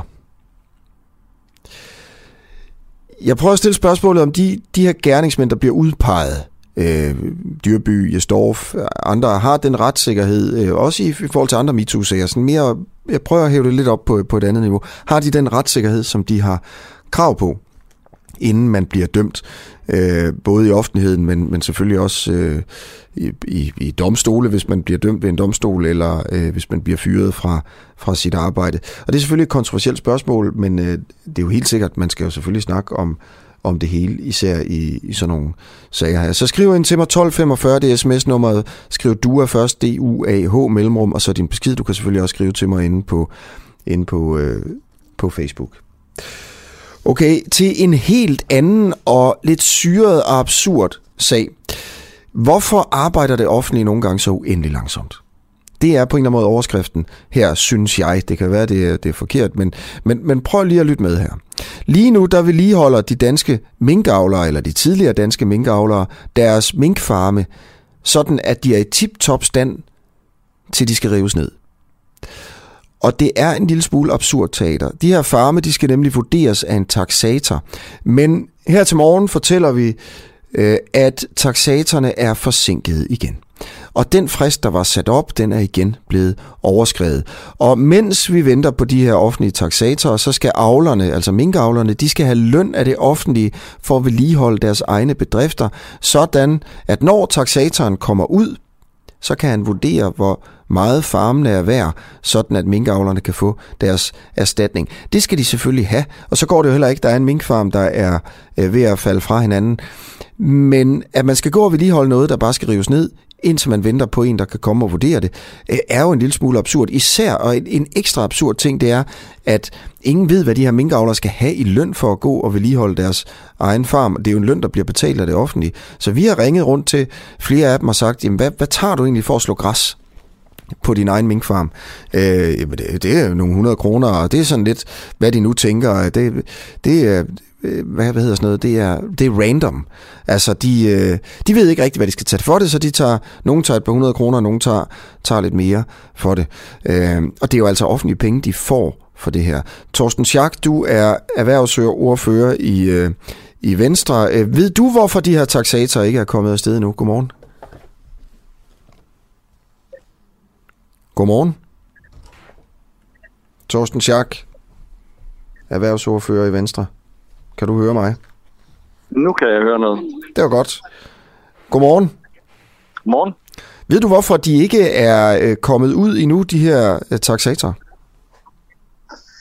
Jamen, det har taget øh, lang tid øh, at få øh, at få regeringen for det første ud af starthullerne. Øh, det tog, øh, tog så lang tid. Lovgivningen var på plads i april, og, og vi så først bekendtgør, den, den helt afgørende bekendtgørelse så vi første gang i, i midten af, øh, august. Og så er vi, øh, må jeg sige, ligesom øh, en række af de høringssvar, vi har set, temmelig bekymrede over for, om, øh, om bekendtgørelsen reelt Øh, lever op til aftalens ord om at sikre fuldstændig erstatning. Øh, vi er stærkt bekymrede for nogle af de formuleringer, som regeringen lægger op til, fordi vi er bange for, at det betyder, at øh, avlerne ikke får den erstatning, som de har krav på ifølge grundloven. Okay, men hvis man ser på, på det her, lad os prøve at tage de, de, de formuleringer lige om to sekunder. Øh, det her med, at hvor, altså, nogle gange tænker jeg, jeg forstår ikke, hvorfor man ikke bare sender en øh, taxator ud, altså en, der kan ligesom vurdere, hvor meget sådan en minkfarm er værd med det samme. Så har man gjort det, så kommer de ud, så skriver de en pris ned, og så behøver vi heller ikke betale minkavlerne for at gå og vedligeholde deres øh, egne minkfarm, som alligevel skrives ned. Hvorfor er det, man ikke bare gør det med det samme? Nu er det jo ikke heldigvis hver dag, at øh, en regering ulovligt lægger et, øh, et helt erhverv i, øh, i krav med et pindestrøg og på et stærkt tvivlsomt fagligt grundlag, som forskere selv i, øh, jeg tror det er i Berlingske i dag, øh, kritiserer det der er tale om, øh, hvad skal man sige, jomfruelig juridisk øh, land, vi betræder. Og så skal det gøres ordentligt. Øh, det er jo ikke øh, minkavlernes skyld øh, og følgeerhvervenes skyld, at, at regeringen træffede så, øh, så forhastet øh, en beslutning. De har krav på at få en, en fuldstændig erstatning, øh, som grundloven foreskriver. Og øh, jo øh, mere præcis den bekendtgørelse den er, øh, så er det i hvert fald vores håb i Venstre, jo færre retssager øh, fører det her til. Hvis, hvis der bliver udstedt en, øh, en upræcis eller en øh, dårlig bekendtgørelse, så frygter vi, at det her det ender i stribevis af retssager. Og det kommer sådan set kun til at gøre det endnu dyrere og trække tiden endnu længere ud. Så derfor er det ikke, det er ikke bare noget, noget øh, jurabøvl øh, og sådan noget. Altså, det, det handler sådan set om, hvordan sørger vi får, at øh, den her øh, øh, skrækkelige historie, at den kan blive lukket ned på en ordentlig, rimelig og anstændig måde. Okay, øh, så, så vi skal ikke være så bekymrede over langsomligheden. Det kan også bare betyde, at det bliver gjort, øh, at man er omhyggelig og gør det ordentligt. Det er også det, du siger. Ja, altså, jeg deler da utålmodigheden, øh, og ville da ønske, at, at bekendtgørelserne var udstedt, men altså, det, havde, det er ikke nogen kunst at lave nogle hurtige bekendtgørelser. Øh, kunsten er at lave nogle rigtige øh, bekendtgørelser, og det tager tid, og det tager også øh, for lang tid. Øh, men jeg kommer ikke til sådan i, i øh, ønsket om at få tingene til at, øh, at, at gå hurtigt bare til at sige, okay, fint nok, så accepterer vi bare det, som regeringen har lagt på bordet, for det vil jeg komme til at fortryde. Det tror jeg rigtig mange vil komme til at fortryde, for det vil ikke, det vil ikke give en færre behandling af, af de berørte øh, minkavlere og følgeværv, og det vil øh, efter min bedste overbevisning også føre til bunker af retssager, som bare gør det endnu dyrere og trækker endnu længere ud. Okay. Okay, vil du have tusind tak, øh, fordi øh, du vil være med her. Jeg, jeg får lyst til at spørge dig om en enkelt ting, øh, hvis, det er, hvis det er okay. Har du hørt om den her undersøgelse, der handler om, at, øh, øh at det ikke er alle danskere, der sådan ved, hvor, hvordan det egentlig går med integrationen? Jeg så godt en, en overskrift i, ja. øh, øh, i går, tror jeg det var. Præcis. Jeg, jeg har stillet spørgsmål i den forbindelse til, til, til gæsterne indtil videre, som sådan en lille quiz. Må jeg stille et enkelt quizspørgsmål til dig? Jeg synes, det er sådan lidt, lidt offensivt øh, og skal blive interviewet af Mik, og så skal, skal gætte på noget helt andet. Men øh, skal vi lade den en øh, glade øh, tirsdags morgenstemning øh, sænke sig over os, så, så øh, skyder du bare. Det var heldigt. Prøv at høre. I 2016, der udtrykte 93 procent af personer med dansk oprindelse opbakning til demokratiet som styreform. Fra hvis du skal sætte en procent på fra 0 til 100 procent, hvor stor en andel af ikke-vestlige indvandrere tror du så udtrykte opbakning til demokratiet som styreform? Oh, det, er, det er jo frisk lige at skal gætte på. Må ikke det er en, øh, en 60-65 procent? Se, der er du ligesom alle andre danskere. Du tror, det går værre, end det går. Det korrekte svar, det er 85 procent. Øh, og det er altså fra Udlænding- og Integrationsministeriets demokratiindeks, det her kommer. Ja. Ja. Okay, det var bare lige det. Uh, vi har forskeren på lige om lidt. Det er sådan en form for lille teaser til det indslag, der kommer, ikke? men det er jo lidt interessant. Uh, tak, tak fordi du vil være med. Ja, selv tak. Okay, Hej. Torsten Schack fra Venstre. Lige om lidt uh, er Jamil med. Han er i Afghanistan. Han blev udsendt til Afghanistan uh, et par måneder inden Kabul faldt til, uh, til Taliban. Og øh, Jamil har boet i Danmark øh, hele sit liv, øh, fra han var et år gammel. Han har lige været over grænsen for øh, ned i Tyskland for at hente nogle øl. På et tidspunkt ellers har han egentlig aldrig været i udlandet. Og han snakker jysk, og hans kæreste hedder Trine. Og han endte altså i Kabul og kunne ikke snakke et eneste ord. Det var fordi, han var kriminel. Øh, han havde begået forfærdelig kriminalitet. Men altså, kan vide, hvordan Jamil egentlig klarer sig, og vi ringer rundt til ham en gang imellem øh, for lige at høre, hvordan han har det, og hvad han laver øh, i, altså hvad, hvad laver man i, tænk hvis det var dig. Han er på lige om tre minutter. Inden da, øh, så er der en anden stor historie her til morgen. Og det handler om øh, sygeplejerskerne. Måske er der masse opsigelser på vej øh, på de danske sygehuse, fordi sygeplejerskerne har fået nok. Der er en gruppe af sygeplejersker, der har tænkt sig at sige op i dag den 30 november, den sidste dag i november. Øh, og så lander opsigelserne altså på, øh, på bordet på de forskellige sygehuse, og så stopper sygeplejerskerne med at arbejde i slutningen af december. Spørgsmålet er, hvor mange sygeplejersker, der vil gøre det her. Luca Pristed, der er den sygeplejerske, der på en eller anden måde står i front for bevægelsen, han har sagt op her for en halv time siden, og han siger, at han regner med, at der i hvert fald er tusind andre sygeplejersker, der vil gøre det. Vi har en journalist med inde på Rigshospitalet, og det er ham, jeg forsøger at ringe til her. Øh, men øh, en eller anden grund, så går den ikke lige igennem. Jeg ringer til ham lidt senere. Han står altså inde på Rigshospitalet for at øh, prøve at spørge de sygeplejersker, der kommer på arbejde i dag, om de har tænkt sig at sige op. Og hvis du lytter med over sygeplejerske, så øh, giv lige et præg. Har du tænkt dig at sig op, skriv ind på Facebook, send mig en sms 1245, skriv DUA først, D-U-A-H, og derefter mellemrum, og så din besked. Det skal også handle om et mammutstykke, der er et mammutsmykke, der er fundet. Det er om 10 minutter. Det her mammutsmykke, der er fundet i Polen, det kommer til at omskrive historien om, hvor vi mennesker kommer fra. Alt om mammutsmykket, og det er altså ikke et smykke til en mammut, det er et smykke til et menneske, men som er lavet af en mammuts stødtand. Alt om det smykke, det er, øh, det fortæller vi om øh, om 10 minutter. Men altså, nu skal vi til historien om Jamil. Jeg skal lige øh, forstå præcis, hvordan øh, Jamil er med. Nå, Jamil, han er ikke med endnu. Ah, Jamil er ikke med endnu. Jeg tror, jeg kan lidt rundt i det her, men... Øhm, jamen lige prøv at se. To sekunder. Prøv lige at hænge på to sekunder. Jeg sætter en på, så skal jeg lige finde ud af, hvor vi skal hen. Bare hænge på. Alt er okay. Du lytter til Den Uafhængige. Danmarks måske mest kritiske, nysgerrige og levende taleradio. Som politikerne ikke kan lukke. Mere end 3.000 medlemmer støtter os allerede, og jo flere vi er, jo mere og jo bedre journalistik kan vi sende ud til dig. Se hvordan du kan støtte os. Gå ind på duah.dk.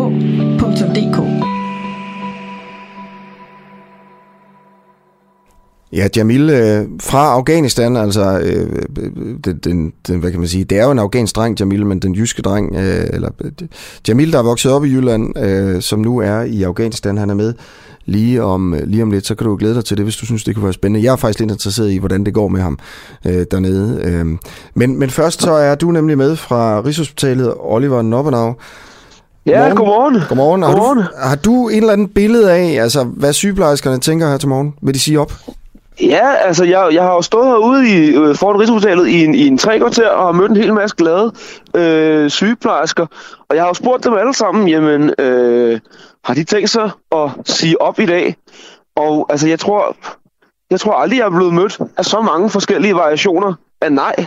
Altså det, der, jeg har ikke kunne finde en eneste, der, der har tænkt sig at sige op i dag. Okay. Øh, altså, jeg, jeg, det tætteste var en, øh, en sygeplejerske, der sagde, men det, det havde hun altså ikke, det var ikke udgangspunktet, men nu vil hun lige gå op på øh, afdelingen og høre, hvad øh, de var blevet enige om, og hvis det var noget, de var fælles om, så ville hun også.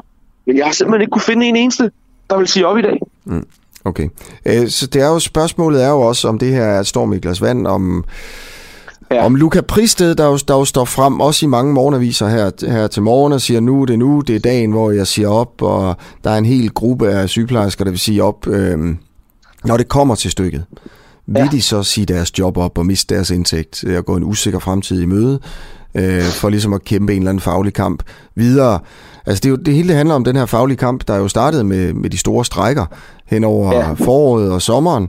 De største sygeplejestrækker, vi har set i Danmarks historie, øh, men som jo endte med ingenting til sygeplejerskerne stort set. Og, øh, og det var der så mange, der, der tossede over, at de blev ved med at strække om morgenen, øh, overenskomststridige strækker, og nu altså måske øh, masseopsigelser.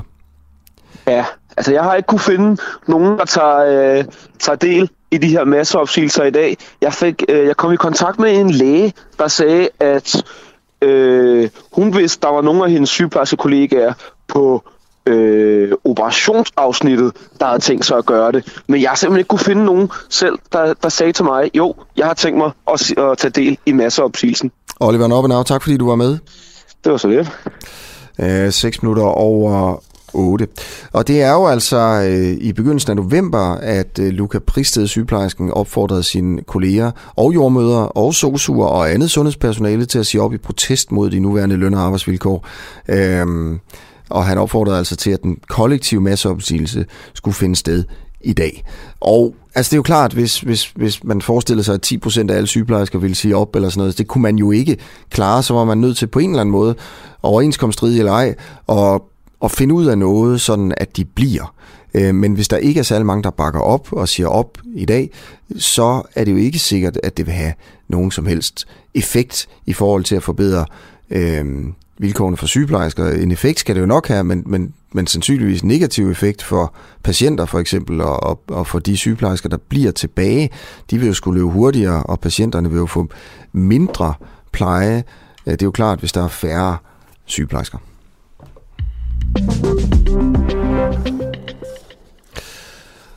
Og nu er det altså, at øh, vi skal prøve at finde ud af, hvordan det går med Jamil i Afghanistan. Øh, Jamil har boet i Danmark siden han var et år gammel. Han er ikke muslim, han spiser flæskesteg og hotdogs. Og han siger sådan der på jysk. Men han blev udvist af Danmark, blandt andet for våbenbesiddelse og for voldtægt. Og han befinder sig i Afghanistan, hvor han lever i frygt for, at Taliban vil finde ham og slå ham ihjel. Og vi har tidligere interviewet Jamil, som blev udvist til Afghanistan, Afghanistan bare en måned inden øh, Kabul faldt i kløerne på øh, på Taliban. Og vi holder løbende kontakt med Jamil for at finde ud af, hvordan han har det. Det, der er sket, det er, at Jamil lige er faldet af. Prøv at, det her det er sådan en, øh, en, en flydende proces med, med Jamil, og øh, jeg håber, han kommer, han kommer på inden klokken er 9. Så hvis du bliver hængende indtil klokken 9, så er der en ret stor chance for, at Jamil, øh, Jamil kommer på. Men i stedet for at snakke med Jamil lige nu, forhåbentlig kommer vi tilbage til ham, så skal vi prøve at snakke om et, øh, et øh, smykke. Og Felix Riede, du er professor i arkeologi og kulturarvstudier på Aarhus Universitet. Hvad er det for et smykke? Godmorgen. Ja, godmorgen. Det er for det første et meget gammelt smykke. Det tilhører en af de første kulturer, der knyttes til moderne mennesker, altså homo sapiens, der kommer til Europa for omkring 45.000 år siden. Og nu har man dateret det her stykke ved hjælp af den helt fantastiske C14-dateringsmetode til rimelig præcis 21.500 år siden. Og den er smuk, og den er også lidt mysteriøs. Øh, det er jo, det er jo meget gammelt, øh, så vidt jeg lige kan forstå det, 41.500 år. Øh, sådan i, i den menneskelige europæiske historie. Hvordan, hvordan ser smykket ud? Jamen det er sådan en lille øh, del af en... Øh, øh det, det i hvert fald... Altså den er, den er knækket. Øh, den er knækket i flere omgange, og jeg har bevaret... Vi har to stykker, to små stykker bevaret, og den er sådan lidt øh, afrundet i bunden, eller toppen, alt efter hvordan man lige drejer og vander den. Og så er der et hul i den, og nogle mønstringer på den, så den er rimelig omfattende bearbejdet, den er jo i øvrigt lavet af mammut elfenben. Det er et virkelig, virkelig øh, vanskeligt materiale at arbejde med. Øhm, og så er det jo også helt fantastisk, at det er bare materiale af en, en, et, dyr, en dyr art, der for længst er uddød. Mm. Øh, og det her, det, øh, det handler jo om, grunden til at det her smykke er interessant, det er fordi det handler om, hvor kom øh, det moderne menneske egentlig til Europa fra? Altså kom vi fra, yeah. fra Mellemøsten, kom vi fra Asien og sådan nogle ting. Inden vi kommer til, hvad kan man sige, hvad det her smykke, det så peger på i den retning. Øh, altså, kan du, er det, er det, jeg skal bare forstå, er det en, en ring, en fingerring, eller hvad er det? Ja, det er faktisk ret svært at afgøre. Altså sådan, den umiddelbare første tanke, man kunne få, er, at det er måske noget, der var syet på øh, tøj, Øhm, men jeg har altså også en kollega nede i Australien, som har udtalt sig at sige, at, sige, at øh, det kunne godt være del af en boomerang. Øhm, så vi ved det faktisk ikke. Okay. Øhm, og det er så, altså, man kan se via en kulstof 14 prøve, at smykket det er 41.500 år gammelt. Øh, vil du prøve at, at sådan beskrive lidt om, hvad der skete for 41.500 øh, år siden i, øh, i Polen, hvor det her smykke var fundet? Ja, det er en, en aldeles interessant periode i menneskets evolutionære historie. Vi har op til flere andre menneskearter øh, til stede rundt omkring i verden, og i Europa er det så neandertaleren. Ikke i alle dele af Europa, men helt bestemt i denne del af det. Øhm, der kommer homo sapiens til Europa, sandsynligvis ikke de første homo sapiens, altså i den her tid omkring 41.000 år siden, der har været tidligere indvandringsforsøg og episoder. Øh, men det her er altså den første, omkring den her tid sker den første sådan ret massiv indvandring og succesrig indvandring af homo sapiens til Europa. Er der andre slags mennesker i verden på det her tidspunkt? Altså der, ja, nogle gange så tænker jeg på det her ligesom sådan øhm, hunderaser, altså viser Labrador-hundene, så er der nogle cheferhunde i forvejen, og så er der måske en pudelhund et andet sted. Øh, er der, øh, det kan godt være, det er helt åndssvagt at tænke på den måde, men... men nej, nej, det... ja. Er der andre? Det, det, jo, det er der nemlig, altså, og det, er, det er slet ikke så galt med de, med de hunderaser. Altså, det, det er jo lidt, lidt dumt ord måske, fordi især når det bliver oversat til engelsk, så, så bruger man det der racebegreb jo ikke, ikke så gerne mere. Øhm, men vi har førhen sådan prøvet at klassificere de her tidlige menneskearter sådan meget kontant som arter, men de nyere genetiske undersøgelser har jo vist sig, at de har parret sig med hinanden, altså de har haft sex, de har haft børn, øhm, så at, at alle os for eksempel, øh, langt de fleste også i Europa, ikke, vi har jo en lille smule øh, neandertaler DNA i os. Og det er jo det, der er sket omkring den her tid, at øh, de moderne mennesker, altså homo sapiens, de mødtes med neandertaleren, og de mødtes med andre menneskearter i andre dele af, af, af kloden, og så foregik der forskellige typer interaktion, blandt andet, at de har haft børn med, med hinanden. Ja, men det kan hunden jo også, jo. Ja, ja, netop. Ikke? Så, ja. så det, er ikke, øh, vi, det, det var ikke reelle arter, der var så forskellige fra hinanden, at de ikke kunne for eksempel kommunikere og, og have børn med hinanden. Så det er sådan en, en lidt mere en, øh, en, en samlet gryde af variation omkring. Mm. Men alligevel så er de jo meget forskellige ud, ikke? Jo, altså, men vi har selvfølgelig i princippet jo kun knoglerne, ikke? Så, så det er lidt svært at regne sig frem til, var de så, hvordan de reelt så ud. Øh, altså, der var selvfølgelig øh, hudfarve og harfarve, hårfarve og øjenfarve og alle de der ting. Øh, størrelse og muskulositet og sådan som vi nogenlunde kan regne os frem til. Men altså, der er også, det var alle sammen kulturskabende menneskearter, så der er også noget med tøj, med kropsbemaling, tatoveringer, scarification, you name it. Altså, der er, der er mange måder at modificere det ydre på, der kan gøre, at man er mere eller mindre fremmed til hinanden. Mm. Det her øh, smykke af mammuttand, som så er fundet i Polen for 41.000 år siden, øh, på den tid, hvor de første mennesker bevæger sig ind i Europa, altså mennesker som øh, homo sapiens, som, som du og jeg, øh, ind i Europa, hvor der i forvejen er andre øh, mennesker, altså neandertalerne. Øh, hvorfor er det smykke sådan øh, altså vigtigt i forhold til at forstå, hvor vi kommer fra? Ja, det første, man skal forstå, er, at, at organske levn, altså noget af træ, eller elfenben, eller knogle, eller tak, det, de er ret sjældne fra den tid, fordi det er simpelthen så gammelt, og bevaringsmæssigt er det, er det ikke nemt for tinget at, at overleve så længe. Så det er altid godt til starten. Og så er det jo øh, meget om, det her stykke er meget omfattende bearbejdet. Øhm, det er, der er dekorationer på, mønstre på, altså som, som har svært ved at tyde præcis. For, altså vi, vi ved ikke rigtigt, hvad det, hvad det står for, hvad det betyder, men det er jo meget klart, at der er nogen, der har brugt en masse energi og tid på at lave det her objekt lige præcis, som det skal være. Så det er jo et lille kunststykke, der er øh, kommet til os fra den her enormt gamle tid. Øh, og det, altså, og det, det type genstand, den type artefakt, den er simpelthen enormt sjældent. Mm. Um, og, og det, der kommer oven i det, er jo, at øh, metoderne har udviklet sig sådan, at vi, vi nu kan direkte datere selv sådan nogle enormt dyrebare, sjældne stykker. Altså C14-datering, kulstof 14-datering er jo en destruktiv metode, som giver os enormt præcis datering af objekterne, men du skal altså save et lille stykke af. Og i de gamle dage af metoden, så var det et ret stort stykke, og så at den ligesom bliver forfinet så meget, at øh, man kan både nu i forvejen se, om bevaringsforholdene er gode nok for at gøre, at datering overhovedet vil fungere. Det er jo super godt, så, fordi hvis det ikke er, så giver det ingen mening at se et stykke af. Og det stykke, man så, så, så skal se af, det, den er blevet ganske øh, lille. Og det gør det jo muligt, at vi nu kan få lov til at, øh, at også destruere sådan øh, et lille bitte stykke af sådan en dyrbar genstand, men dermed også kan tidsfeste den. Og, og det her smykke, det skulle så indikere, at folkevandringen til Europa kom fra Asien.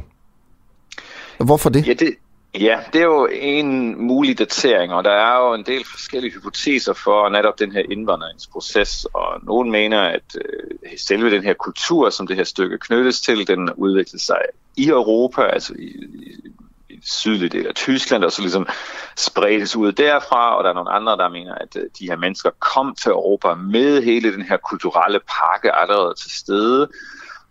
Og den her datering giver øhm, nogle nye oplysninger omkring det, og, og den er jo relativt tidligt i forhold til lignende stykker i Europa, som kunne tyde på, at måske er der alligevel noget i den her sådan indvandring fra øst.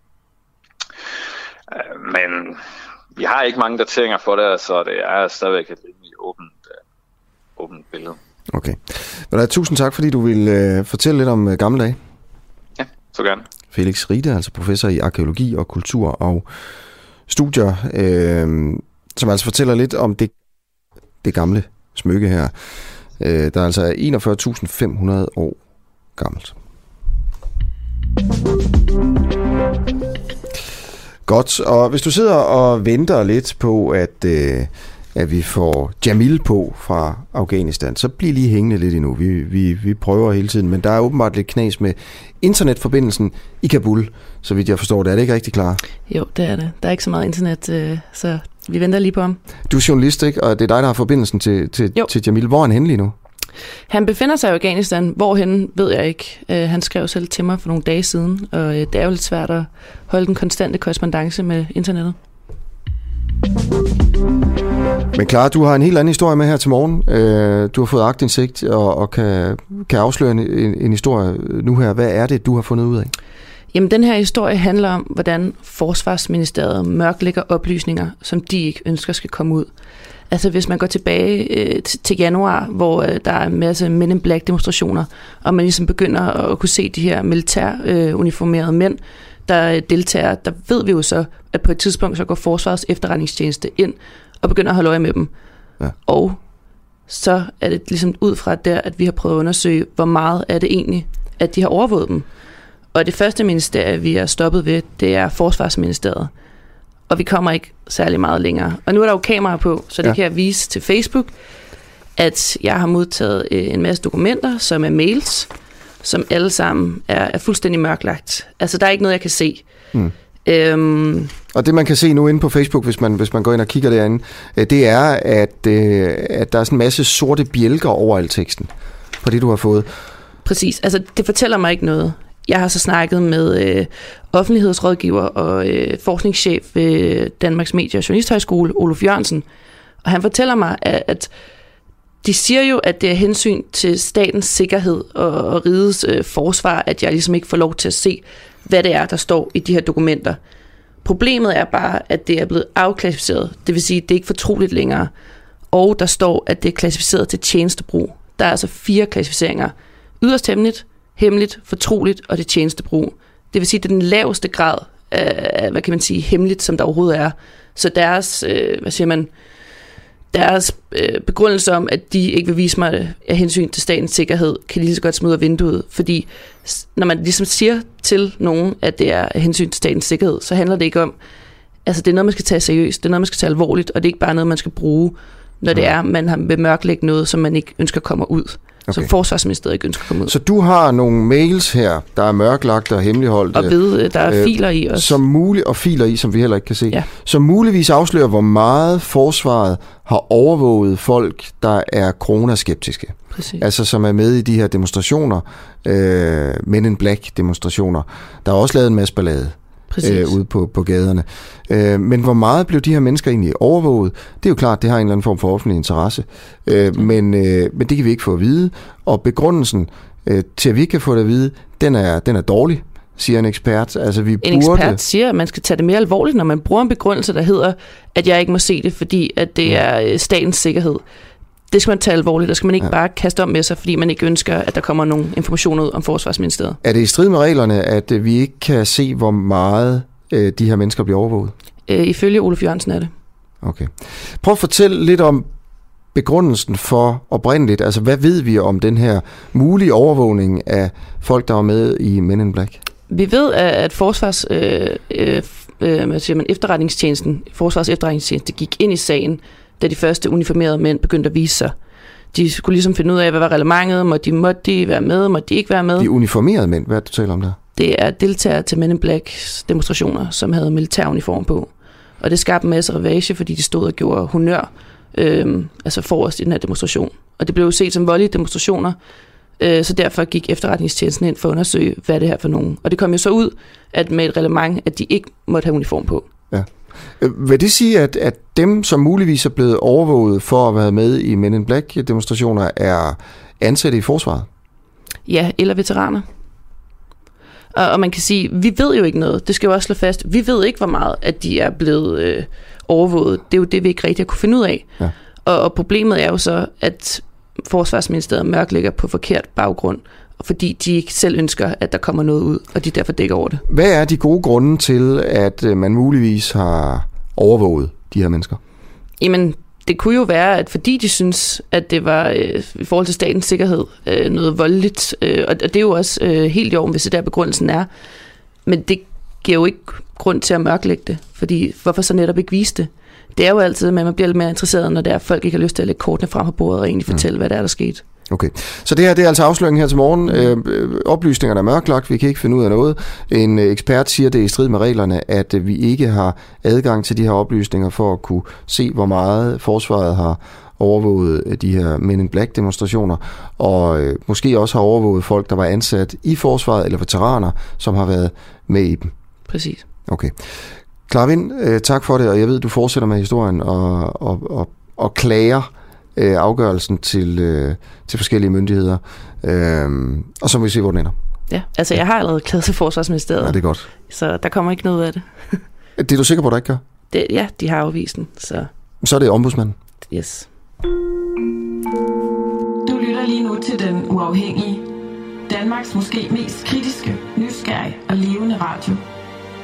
Hvis du har en god idé til en historie, så skriv til os på Facebook eller send os en mail. Adressen finder du på hjemmesiden.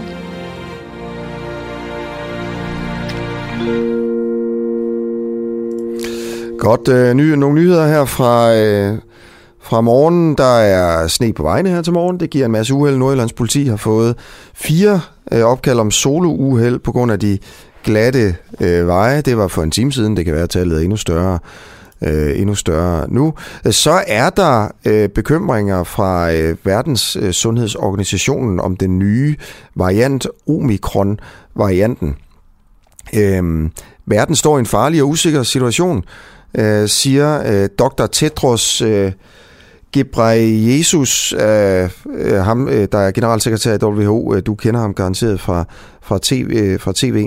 Det her er en reminder, siger han, om at covid-19 ikke er færdig med os. Det er ikke forbi, før vaccinekrisen er slut. Og han henviser altså til, at de fattigste lande i verden kun har modtaget 0,6 procent af alverdens vacciner, mens G20-landene har fået over 80 procent. Og han opfordrer altså alle nationer til at fortsætte med at forsøge at få deres borgere til at blive vaccineret. Og det er jo klart, hvis den her spreder sig meget, meget mere, og øh, vi, vi ved jo ikke, hvor farligt den er, men jeg tror, vi er ret sikre på, at den spreder sig mere, så uh, kan det jo være rigtig alvorligt for de lande, hvor næsten ingen er øh, vaccineret. Og det sætter på en eller anden måde yderligere pres på øh, på, på udrulningen af vacciner til de fattigste lande, og måske også yderligere pres på os, der har penge nok til at købe. Penge nok til at købe øh, de vacciner, vi skal, vi skal bruge. Er det penge, der skal styre, hvordan vaccinerne bliver fordelt i verden? Eller er det noget andet, som for eksempel behov for vacciner? Den debat øh, bliver jo en lille smule mere aktuel af den nye variant, som øh, får det hele til at gå meget, meget hurtigere. Okay, øh, og så er øh, det, jeg vender mig mod, øh, en af de historier, vi har valgt at prioritere i dag, som er vigtig. Har danskerne et skævt billede af integrationen? Hvordan kan det være, at 74 procent af danskerne tror, at det står værre til med integration blandt ikke-vestlige indvandrere og efterkommere, end det i virkeligheden gør?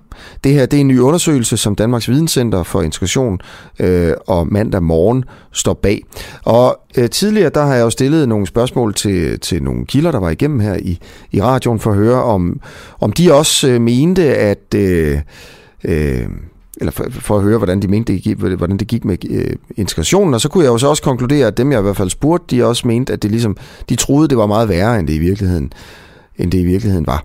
Rasmus Brygger, du er stifter af Danmarks Videnscenter for Integration. Vil du prøve at fortælle øh, os om nogle af de ting, som danskerne tror, men som ikke, øh, som ikke passer? Godmorgen.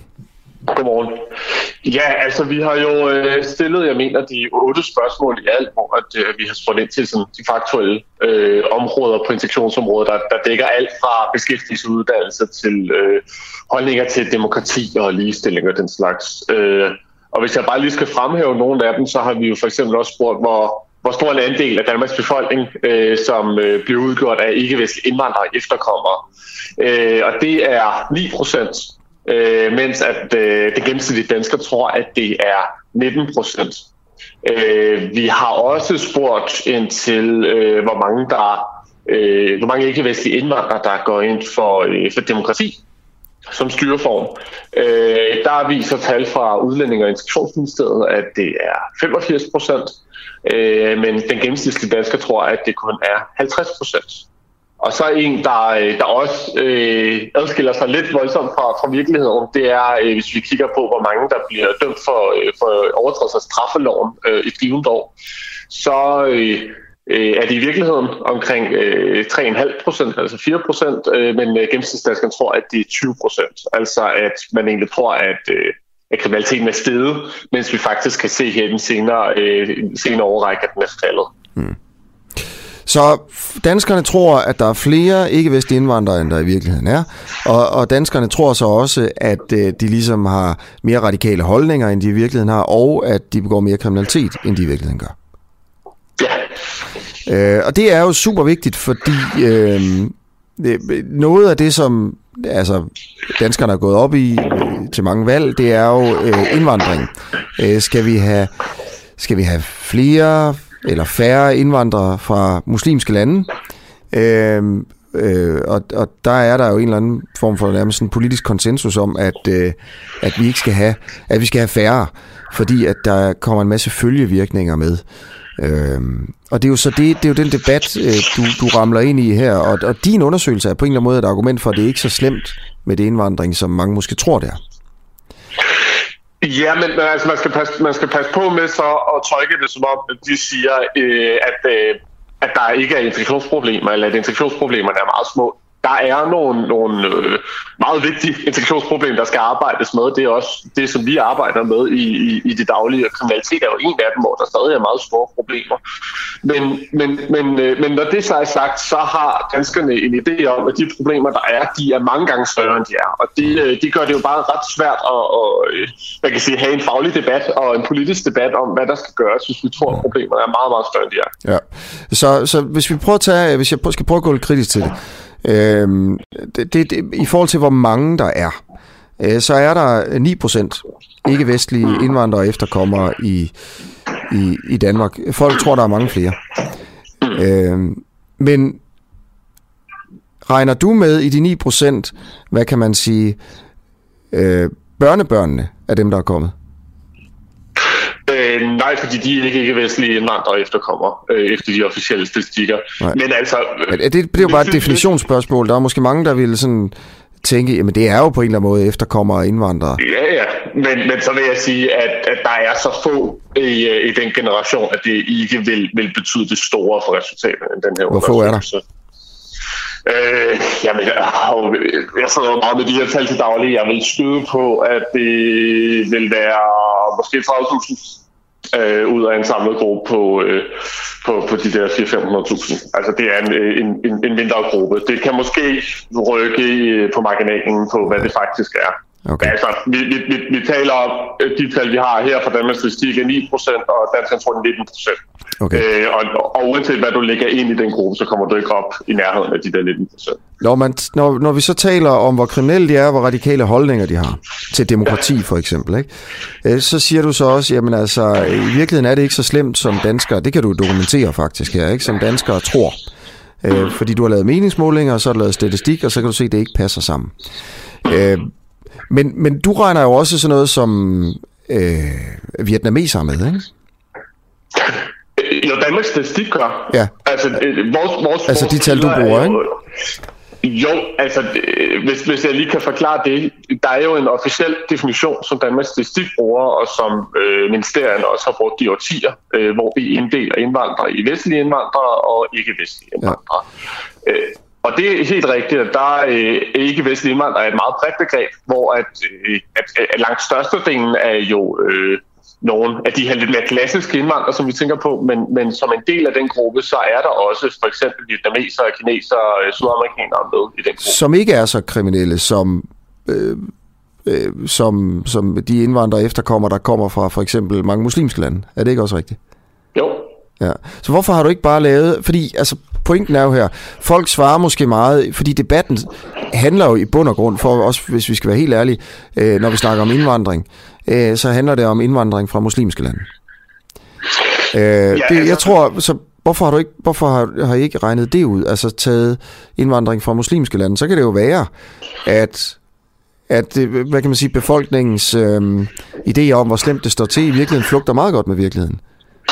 Ja, altså lad mig starte med at sige, at det her det er jo den første undersøgelse af sin art, og derfor så, øh, så, så, så kan man sagtens gøre de her ting på en anden måde, end vi har gjort. Det vi har valgt at gøre, det er, at vi har lænet os op af de officielle definitioner, øh, og derudover så øh, er der ikke særlig meget data, som du efterspørger. Altså hvis vi skulle øh, finde ud af for eksempel med øh, den demokratiske tilslutning blandt de her MENAPT-lande, som, øh, som nogle politikere taler om, man skal kigge øh, mere på, så er der meget lidt data, og det vil sige, at den her undersøgelse, som der er lige nu, øh, sandsynligvis ikke vil være muligt at lave.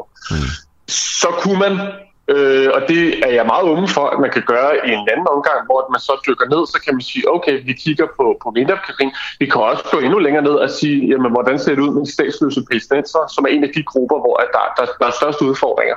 Så vil tallene selvfølgelig se anderledes ud i forhold til de faktiske tal. Det kan også være, at danskernes øh, holdninger vil se lidt anderledes ud, mm. men vi taler stadig om, at vi, vi, øh, vi, vi tror, at der er fem gange så mange, der bliver dømt, som der er, for eksempel. Og det, altså, det, det vil være vanskeligt, selv hvis du sorterede øh, vietnameserne ud, mm. så, øh, så er vi stadig langt væk fra, fra det, øh, øh, det niveau. Ja, grunden til, at jeg også spørger dig her om, det er fordi, øh, at du jo slår dig op som, hvad kan man sige, som, som videnskabsmand her, eller statistiker, eller hvad man, hvad man nu skal kalde det. Det er, det er sådan objektive øh, sandheder, der, der kommer fra, fra videnscenteret her. Men jeg prøver også at problematisere det en lille smule, fordi øh, man, man kan jo måle på mange forskellige måder. Mm. Øh, og, og dit indspark her øh, med, med den her historie, som er blevet omtalt i, i, i flere medier, det er jo på en eller anden måde, som jeg også startede med at sige, et argument for, at det er ikke så slemt med den indvandring, som vi går rundt og tror. Øh, det, er, det her det er noget, som vil blive brugt, og det er det allerede af et parti som De Radikale for eksempel. Jeg er ret sikker på, at jeg så Senior Stampe fra De Radikale dele det, som et argument for, at hun har ret. Øh, og så er det bare, jeg kommer til at tænke på, hvis jeg må spørge dig som, som altså stifter af et videnscenter for integration her. Mm. Mener du, at vi har for hård en, en for hård udlændinglov i Danmark? Det er vi ikke holdninger til. Altså vores, vores opgave er at præsentere de tal, som, øh, som, som der er på området. Øh, og, og, og ja, det, det er helt rigtigt. Vi laver undersøgelser, som, som for eksempel... Men, men din personlige venstre. holdning, jeg snakker om, om videnscenteret, men din ja, men, personlige lad mig, holdning, må vi få den? Undskyld, lad mig, lige, lad, mig, lad mig lige svare ud. Vi laver undersøgelser, som, som bliver brugt politisk. Vi har lavet nogle undersøgelser, som Radikale Venstre for eksempel bruger. Vi lavede i foråret en stor undersøgelse om kriminalitet, som Christian Tulsendal øh, fremhævede i Folketingssalen. Så selvfølgelig, når man er på et politisk område, så vil der være øh, så, så vil der jo være politikere, der bruger det til, til den dagsorden, som der nu er. Vores opgave, når vi kommer med viden, det er jo at præsentere, hvordan ser verden ud. Og så lad mig lige øh, svare, jeg er ikke her i min rolle af mine personlige holdninger. Jeg har en ekspertfunktion, vi har en ekspertfunktion i videnscentret, så min holdning er irrelevant for den her sammenhæng. Ligesom det er irrelevant at spørge alle mulige forskere, hvad de har af holdninger til det ene og det andet. Hvorfor er det irrelevant? Altså fordi... Hvad, undskyld, hvad stemmer du på ved sidste valg? Øhm, jeg stemte... Hvis hvis jeg svarer, så svarer du også. Nej, men... men, men øh, jeg synes også, det er relevant at, at, at spørge mig, faktisk. Lad, lad, lad, lad, lad mig lige... Altså, det her, det er jo helt gængs måde at arbejde på journalistisk. Nu kan der have mange journalister. Journalister øh, går ikke og flager med deres holdninger. Selvom nogen måske øh, vil skulle med skoene, jamen alle de her øh, journalister er venstreorienterede, derfor kan man ikke stole på dem. Ja. Men der, her må man have en tillid til deres faglighed. Når du så stiller mig et spørgsmål om, hvad jeg har af holdninger, så siger du også, at du ikke har en tillid til min faglighed. Og der må jeg Nej, sige... det gør jeg, jeg, jeg, jeg, jeg siger bare, man kan vælge at lave øh, øh, undersøgelser og statistik, som ligesom får debatten til at pege i den ene retning. Du, jeg siger ikke, at dine undersøgelser er forkerte. Det, det siger jeg faktisk slet ikke. Jeg siger bare, at man kan jo godt som forsker, og det mener jeg virkelig, man kan. Øh, og derfor synes jeg faktisk, det er meget også interessant i den offentlige debat at have lidt fokus på, hvor man kommer fra, hvilket udgangspunkt man har som politisk, sådan politisk, uanset om man er forsker eller journalist eller sådan. Ikke? Og det er, jo, det er jo fint nok, du ikke vil svare. Altså, det, det forventer jeg slet ikke, du gør egentlig.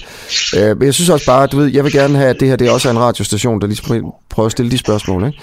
Øh, og det er, jo, det er jo klart, du vil kunne vælge at lave den ene undersøgelse, der, der støtter det ene synspunkt, og så vælge en anden undersøgelse fra, for eksempel, som så støtter et andet øh, og det, men, men, men jeg tror mig, det er bare underligt at, at hive ekspertkilder ind, fordi altså, vi skal jo holde vores holdninger adskilt fra det, vi laver. Øh, og derfor, hvis jeg går ud og udbasunerer, hvad jeg har om holdninger om alt muligt andet, så kan jeg ikke gå ud med det faglige samtidig. Og så bare lige, ja, det er helt rigtigt, at når man laver undersøgelser, så, så, så kan det jo skubbe en eller anden retning. Og det er jo også derfor, jeg siger, at vi laver undersøgelser, som alle partier i Folketinget bruger på forskellige tidspunkter. Øh, vi har lavet den her i samarbejde med nogle af de førende forskere på området, man kunne designe det anderledes. Jeg har svært ved at se, at man kunne designe det på en måde, der kunne vise det modsatte resultat. Man kunne selvfølgelig designe det anderledes. Det kan man med alle undersøgelser, det kan man med alt forskning. Men, men, men jeg prøver ikke om sine insinuationerne om, at vi gør det af politisk årsag, fordi det gør vi ikke. Vores, vores opgave er at bidrage med fakta på det her område. Ja, men det er klart. Prøv at, det er også fordi, jeg, ved, jeg har været journalist i et stykke tid, og jeg kan da også huske dengang, du var debattør. Ikke? Ja. Og, og nu, øh, du er jo, øh, du var, var du formand for Liberal Alliances Ungdom. Ja, det er også tilbage. Ja. Øh, ja, nu googlede jeg der bare lige hurtigt her, ikke? Øh, skrev Rasmus Brygger holdning udlændingepolitik. Så kommer der en stram udlændingepolitik, øh, noget, en artikel, en debatindlæg fra politikken op fra 14, det er selvfølgelig lang tid siden, hvor du står, at alle burde være tilhængere af en slap udlændingepolitik, det, og det skrev du. Ja. Men du siger... Ja, det er, og det er relevant her, hvordan? Jamen, det var det, jeg lige prøvede at forklare. Ja, altså, hvad, hvad jeg har haft og holdninger... Men har du stadig de holdninger? Syv år. Det er bare det. Jamen, prøv nu at høre her. Jeg har arbejdet med det her felt i overvis. Jeg har været ansvarlig for erhvervslivets integrationspolitik, og så har jeg stiftet et videnscenter, hvor vi bidrager med viden, som bliver brugt hele vejen rundt politisk. Mm. Ja, jeg har en politisk baggrund, øh, men det betyder ikke, at min faglighed ikke holder, og at man ikke kan have tillid til det, de laver. Øh, og det har man også i det politiske system, så jeg synes, at det er, det, det, det er underligt. Ja, jeg har været debattør mm. tidligere, men man kan heldigvis også have lov til at øh, have en rolle som debattør, og så kan man også have en faglighed ved siden af. Selvfølgelig kan man det. Rasmus Brygger, stifter af Danmarks Videnscenter for Integration. Tusind tak, fordi du vil være med. Selv tak.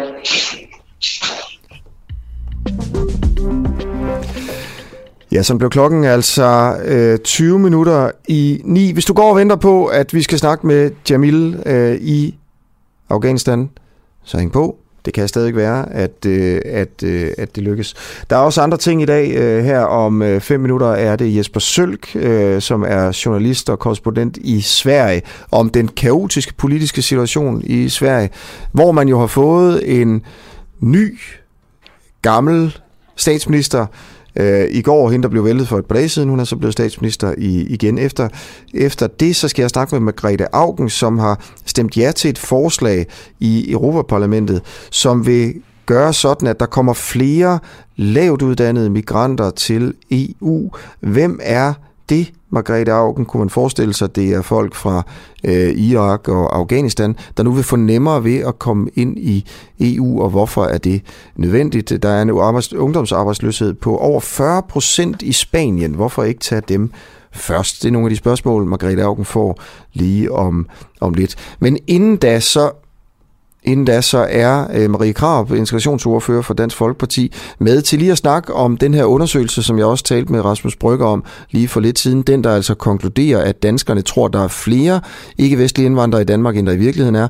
Og den, der altså også konkluderer, at danskerne så også tror, at de ligesom har mere radikale holdninger og begår mere kriminalitet, end de i virkeligheden gør. Marie Krab fra Dansk Folkeparti, øh, integrationsordfører. Hvad tænker du om den her undersøgelse? Godmorgen. Godmorgen. Øh, jeg synes, det er en øh, misvisende undersøgelse, fordi den ikke gør klart, at der er meget store forskelle indbyrdes mellem landene. Altså alt afhængig af, hvilke lande man kommer fra.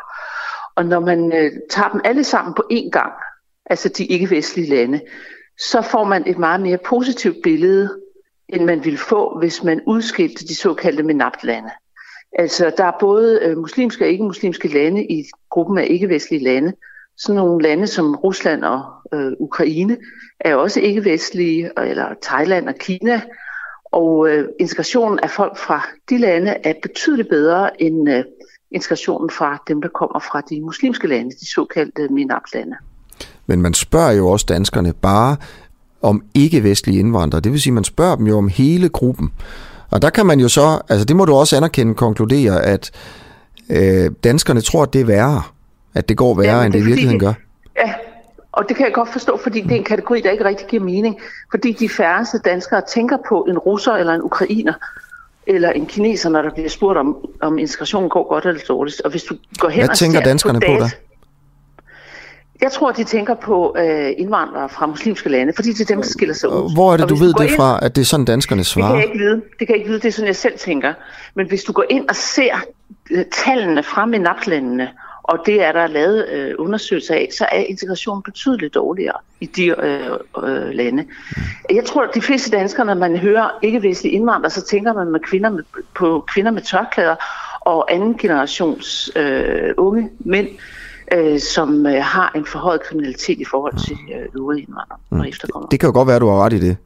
Øhm, og at, at danskerne svarer på noget andet, end det de bliver spurgt om. Altså de svarer på, hvordan det går med integrationen af folk fra muslimske lande i virkeligheden, når man spørger dem om, hvordan går det med ikke-vestlige øh, indvandrere. Ja, det tror jeg er men, det, der men, men du aner det jo ikke.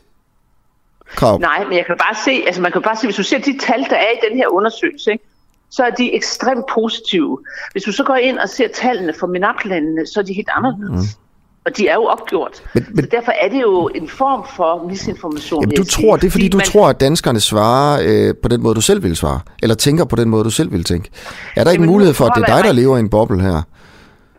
Jo, det kan det godt være, men man kan bare se, at hvis du går ind og opgør tallene på grupperne hver for sig, altså tager MENAP-landene, og så tager øh, ikke-vestlige lande generelt, så er der meget stor forskel på de tal, så det er to helt forskellige ting, mm. øh, man spørger om.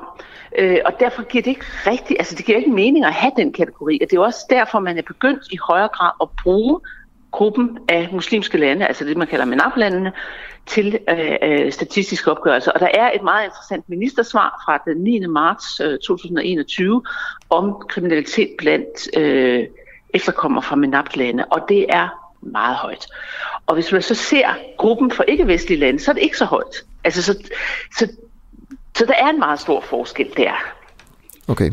Maria Krab, tusind tak, fordi du vil være med til en kort kommentar og en øh, kritik af, af undersøgelsen her. Selv tak. Integrationsordfører for Dansk Folkeparti. Ja, og Margrethe Augen øh, fra SF og medlem af Europaparlamentet er altså med lige om, øh, om øh, fem minutter. Øh, klokken den er kvart i ni. Øh, det her det er øh, en uafhængig morgen. Jeg vil også bare lige sige, at du kan lytte til os øh, på flere forskellige måder. Det kan være, at du lytter med nu her på, øh, på podcast for eksempel. Det kan være klokken, mens du hører mig sige det her, måske er fem om eftermiddagen, øh, den, her, den her tirsdag. Øh, der er over 30.000, der lytter med øh, på, på podcast hver uge øh, her hos os. Øh, men det kan også være, at du lytter live lige nu. Øh, klokken er som sagt øh, kvart i ni øh, på vores app. Det er nok det bedste sted at lytte, fordi øh, der er kvaliteten god, og der kan du også inde på appen finde alle de udsendelser, som vi har sendt. Øh, Der vil også komme til på sigt at være noget eksklusivt indhold på, på appen, som man kan få, få adgang til. Så download vores app, øh, hvis du har lyst til, øh, til at have den bedst mulige øh, adgang til den, øh, den uafhængige. Der kan du for eksempel også finde vores, øh, vores eftermiddagsprogram. Og vi lægger hver dag også et, øh, det bedste interview, eller mest interessante interview op, øh, som, en, som en selvstændig podcast, hvis man ikke har tid til at høre det hele, øh, så, så kan man det. Den hedder Den Uundgåelige. Du kan også finde den inde på appen, og det er altså bare Den Uafhængige, og så gå ind og download, øh, download vores, øh, vores app. Den politiske situation i Sverige er, øh, hvad kan man sige, øh, er anderledes for tiden. I går der skulle den svenske rigsdag endnu en gang stemme om, øh, om Magdalena Andersson, øh, om hun skulle være statsminister. Det skulle de efter, at øh, Andersson i sidste uge trak sig som statsminister, efter hun havde været statsminister i meget få timer. Og Jesper Sølk, du er nordisk korrespondent for TV2. Øh, hvad endte afstemningen med i morgen? Øh, i, I går. Godmorgen.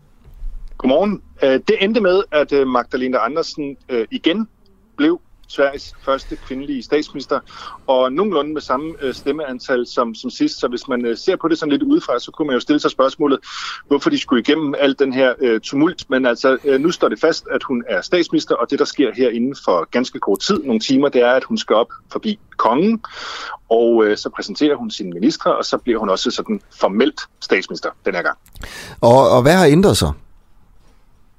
Men det mest markante, der ændrer sig, det er, at øh, det nu er en etpartiregering. Det vil altså sige, at det er alene Socialdemokraterne, der danner regeringen, fordi at Miljøpartiet, som var en del af regeringen, da hun blev stemt ind første gang i onsdags, de jo altså valgte at, at trække sig fra regeringssamarbejdet inden for timer efter den første afstemning, som så gjorde efter syv timer, at øh, Magdalena Andersen var ned og, og indgive sin øh, opsigelse for at komme igennem endnu en, en afstemning. Mm. Øh, og det der jo så er, det er, at øh, Magdalena Andersson, øh, hun skal regere på... Øh, på, øh, altså efter den allervigtigste lov, som er lavet af højrefløjen, altså finansloven. Så okay. det, som jo betyder, hvor mange penge må man bruge på de ældre, hvor mange penge må man bruge på skolerne, og hvad med integrationen, og, og alt det her, det er dikteret af et flertal udenom hende, altså et blot flertal. Det er jo derfor, hun måtte gå i første omgang. Det kunne man jo slet ikke forestille sig i Danmark. Altså der ville øh, statsministeren simpelthen øh, tage, tage tøjet og så, og så gå. Altså øh, det her med, at hun gerne vil regere, øh, men hvad hun må bruge af penge på hvilke ting, det bliver bestemt af det blå flertal. Øh, hvorfor vil hun det? Og der er flere øh, ting her. For det første, så er det faktisk ikke usædvanligt, sådan decideret usædvanligt i svensk politik, at øh, det finanslovsforslag, som øh, regeringen i det her tilfælde lægger frem, ikke er det, der bliver stemt igennem. Der er de partier, der er i rigsdagen øh, i Sverige, de er på den måde meget mere splittet øh, i forhold til, hvordan de altid lægger der stemmer. Så både i, hvis jeg husker korrekt her, i 2018 og i 2012, der havde øh, Socialdemokraterne en øh, afstemningernes budget, tabte og måtte så regere på oppositionens budget.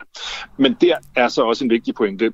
En stor del af det budget, det finanslovsforslag, som bliver lagt frem, ligger sådan set fast. Det vil sige, at der er en, en, en høj grad af det, som også er udarbejdet af regeringen og centralmagten. Mm. Men dertil kommer så, og det er det, der er sket den her gang, oppositionen har været inde sådan at, at røre i gryden, og omfordelt omkring 20 milliarder svenske kroner, som er deres prioriteter. Det vil sige, det er en sænkning af benzinskatten. Det er flere penge til politiet.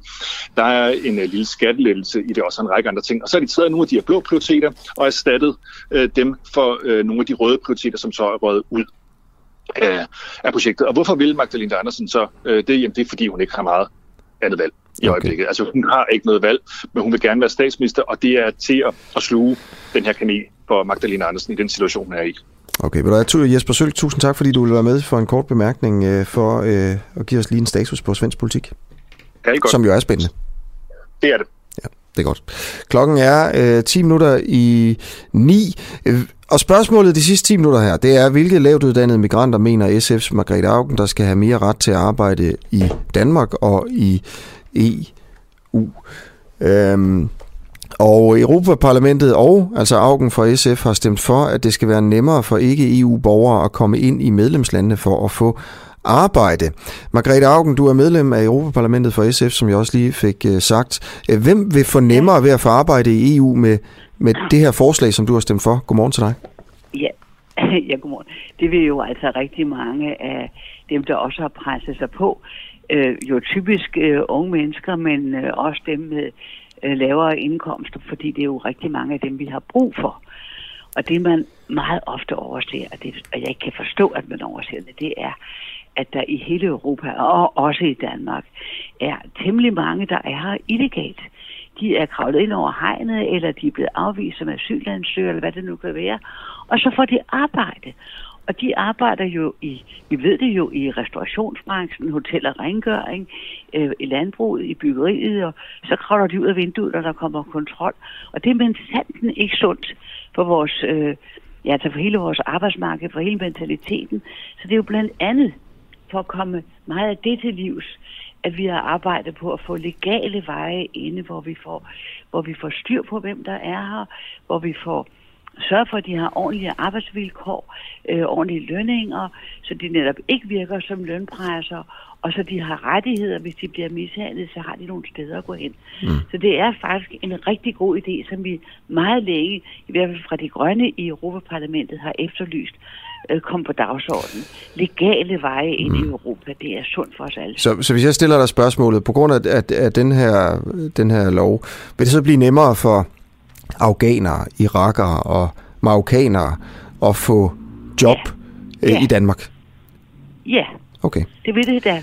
Altså det er steder, hvor de har et overskud af mennesker, du ved ikke med afghanere, de får jo typisk så altså forhåbentlig der asyl, fordi mange af dem rigtig reelt er flygtninge, og dem, der gerne vil søge asyl, skal jo også øh, have lov til at komme til det efter vores egne og internationale love. Mm. Men der er jo en hel masse øh, øh, også i Nordafrika, hvor øh, de har brug for at få øh, arbejde, hvor det er, det er jo i øh, det er håndværkere, det er i plejesektoren, hvor vi i den grad kommer til at mangle arbejdskraft og allerede gør det. Og som, som sagt, de, øh, de øh, fagområder, jeg nævnte her lige før, hvor, øh, de- øh, hvor de jo altså er der uden legal status. Mm.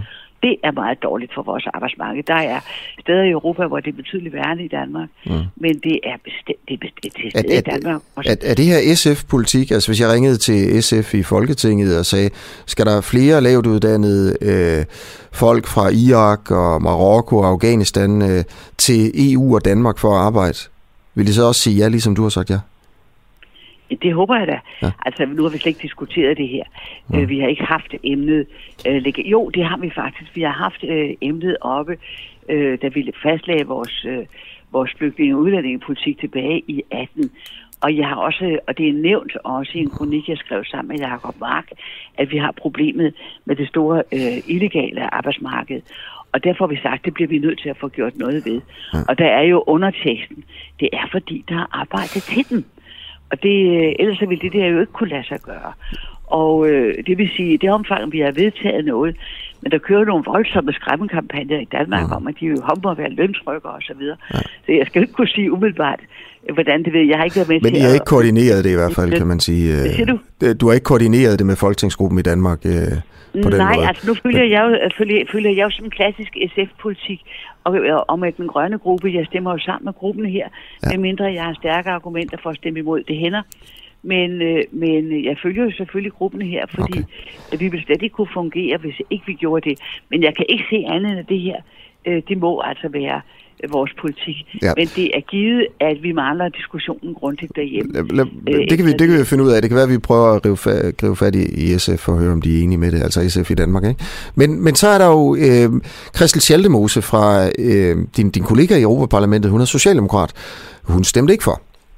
Fordi hun siger, at der er også en hel del arbejdsløse i Europa, og måske skulle man prøve at opkvalificere dem og tilbyde dem et job først. Hvis vi tager en, øh, nogle tal her. Spanien øh, topper listen med en arbejdsløshedsprocent på 16,2 i august 2020, og blandt de spanske unge under 25 var 44 procent arbejdsløse. Så der er, en, der er masser af arbejdsløse mennesker i Sydeuropa inde i EU. Hvorfor, og spørgsmålet er her, hvorfor ikke tage dem først, før man begynder at tage øh, de, de andre her? Altså, vi kan jo ikke tvinge dem til at komme, og de har altså ikke lyst til at komme. Og det er, øh, det er jo også blandt andet de tal, der er bragt frem. Det har vi vidst længe, at øh, for eksempel med den fri bevægelighed i Europa, at det er typisk Østeuropa, øh, der kommer og tager øh, også det tunge arbejde hos os. Det er, øh, det er ikke ret meget folk fra syden, og de synes måske, at der er øh, ja, der er for koldt, der er for kedeligt. Og så er sproget jo, det skal I ikke glemme, sproget er meget, meget svært, og mange af dem kan ikke engelsk. Øh, og øh, dan- dansk er et meget vanskeligt sprog. Jeg tror, det er derfor, men altså, øh, vi, vi, vi kan jo ikke, altså, vi, de, de kommer ikke. Nej. Øh, Det, nu, nu, øh, du, har, du har stemt for det her forslag, som altså gør, at det bliver nemmere for lavt uddannede, øh, migra- altså lavt uddannede mennesker uden for EU at komme til for eksempel Danmark og arbejde som, øh, Ja. ja. sige, på shawarma bar for eksempel. Ikke? Hvis- Hvis de bliver syge, skal de så have, have lov til at Jamen. komme gratis på hospitalet i Danmark? Så skal de skal jo betale skat i Danmark, og dem, der kommer og arbejder og betaler skat, de skal have samme rettigheder. Ja. Det er sådan set et fair system, som også er EU-system. Jeg kunne ikke forestille mig, at de er her uden at også at være skattepligtige. Mm. Der har vi jo igen det der problem med dem, der ikke er, der ikke har lovlig status. De betaler jo ikke skat naturligvis, men de har heller ingen rettigheder. De kan blive, komme til at bo under usle forhold, og de kan ikke klage. De kan blive snydt for deres løn, og de kan ikke klage. Det er meget, meget farligere for vores arbejdsmarked at have den store gruppe, som slet ikke er under er under øh, øh, fornuftige forhold. Ja. Så øh, der, har vi, der har vi da en opgave at sørge for, at det der bliver ordentligt. Men jeg har da meget mere tillid til, at det kan ske, hvis vi ved, hvem det er, der kommer. Og det er ikke bare folk, der forsvinder ud og får job på den der usle måde. Okay, hvad, hvad de her mennesker, der så vil komme nu her, de lavt uddannede øh, fra, fra, fra lande uden for EU, ja, det kunne jo også være Ukraine. Nu snakker jeg om de muslimske lande, fordi det er jo det, jeg tænker, at måske hørtelen er på en eller anden ja. måde, men det kunne også være Ukraine jo, ikke? Eller, eller noget. Forestil mig, der kunne være en del af landbrugsmedarbejdere fra Ukraine, der, der har lyst til at komme. Men, nu er Ukraine er jo ikke muslim i om. Nej, nej, det er jo det. Men, men, men jeg, er, da- jeg er da ikke bange for muslimer. Nej, nej, det, Jeg- det er jeg altså, godt klar over. Men jeg skal lige prøve at spørge dig om noget her. Når dem, der, dem, der så kommer her og arbejder, dem, der nu får lov til at komme lovligt og arbejde, øhm, når de bliver fyret i Danmark for eksempel, får de så ret til velfærdsydelser, altså sådan noget som kontanthjælp, øh, Altså- dagpenge, sådan nogle ting? Ja, ja og det, det er jeg, der er så godt, at jeg ikke er inde i det forslag med, hvordan det ser ud til, men de skal jo have, så længe de er her. Hvordan de, hvis de så kan blive her, hvis ikke de har arbejdet, det er jo hele tiden været problemet. Det er jo sådan set også været problemet Ja, kan det fra, det? fra øh, EU-landene, øh, hvis ikke de har arbejde og, og, og har chance for at være arbejdssøgende. Den del af det øh, er jeg ikke tilstrækkeligt godt inde i, fordi Mm. jeg har jo ikke været ordfører, ordfører på forslaget. Så du, du stemmer Men- for, selvom Ja, ja. du ikke ved, om de får lov til at... Til, du ikke får lov til Ja, at... er meget Du ikke, du ikke aner, om de får lov til at blive, når de bliver fyret, og du aner ikke, om de får lov til at blive koblet på velfærdsydelserne, når de bliver fyret. Vores, jeg lytter på, på vores rådgivere, og du skal lægge mærke til, at det kun var flertallet i, i prøv nu at høre det yndigt selskab, jeg er i. Danmark, Polen og Ungarn. Det var de eneste lande, hvor flertallet af medlemmer og deres øh, medlemmer i parlamentet stemte imod. Altså, se lige vores selskab. Og Polen, der var det da næsten lige. I resten af, øh, af- landene, der har der været flertal for at stemme for- det her. Og jeg sidder jo ikke og går i detaljer med alle mulige forslag. Jeg kan bare helt overordnet, når vi følger det, strider det her mod det. Vi har længe snakket om, også i den grønne gruppe, hvordan laver vi legale veje for migration, så, det, så vi får folk ind, så de ikke skal ud og, og på- på de der frygtelige ruter der, som vi alle sammen er enige om, er skrækkelige. Men, øh, men kan, vi har også haft det med studerende, altså vi har haft det med Blue Card-ordningen. Der har været, de der ordninger har været der, men de dækker slet, slet ikke det behov, vi har i Danmark. Så jeg har set det meget på det behov, vi har. Og, øh, og så, jeg kan, hvis du gerne vil vide det, så skal jeg godt få, få det lynhurtigt få det opklaret og ringe. Du kan ringe til mig i morgen tidlig, eventuelt, så kan jeg svare på de spørgsmål. Lad os gøre det. Lad os gøre altså, det. det er. Margrethe Augen, altid en fornøjelse at tale med dig, og tak fordi du er så venlig øh, til at stille op her i Den Uafhængige. Ja, det, det er fint. Det, tak fordi du ringede. Det er godt. Hej, hej. Okay, hej. Medlem af Europaparlamentet for SF, altså Margrethe Augen. Jeg tror, at øh, jeg vil nævne på redaktionsmødet her kl. kvart over ni, at vi skal lige tjekke, om SF i Danmark synes, det her det er en fed idé. Øhm, noget siger mig, at, øh, at, at de ikke nødvendigvis synes det. Men, men, men Augen er jo også, altså hvad kan man sige, øh, sin egen dernede i Europaparlamentet. Sådan har det jo altid øh, været med, med hende. Klokken er ved at være ni. Tak fordi du lyttede med her øh, til morgen. Øh, øh, med i, øh, i, øh, i regien her til morgen var Elisabeth Yskes og Oliver øh, Nobbenau og Clara Vind. Så øh, tak til dem. Og her, husk klokken 4, der er Josefine Fock på på vores eftermiddagsprogram til Ring, hvis jeg tager fejl. Det er altså klokken 4. Lyt på appen.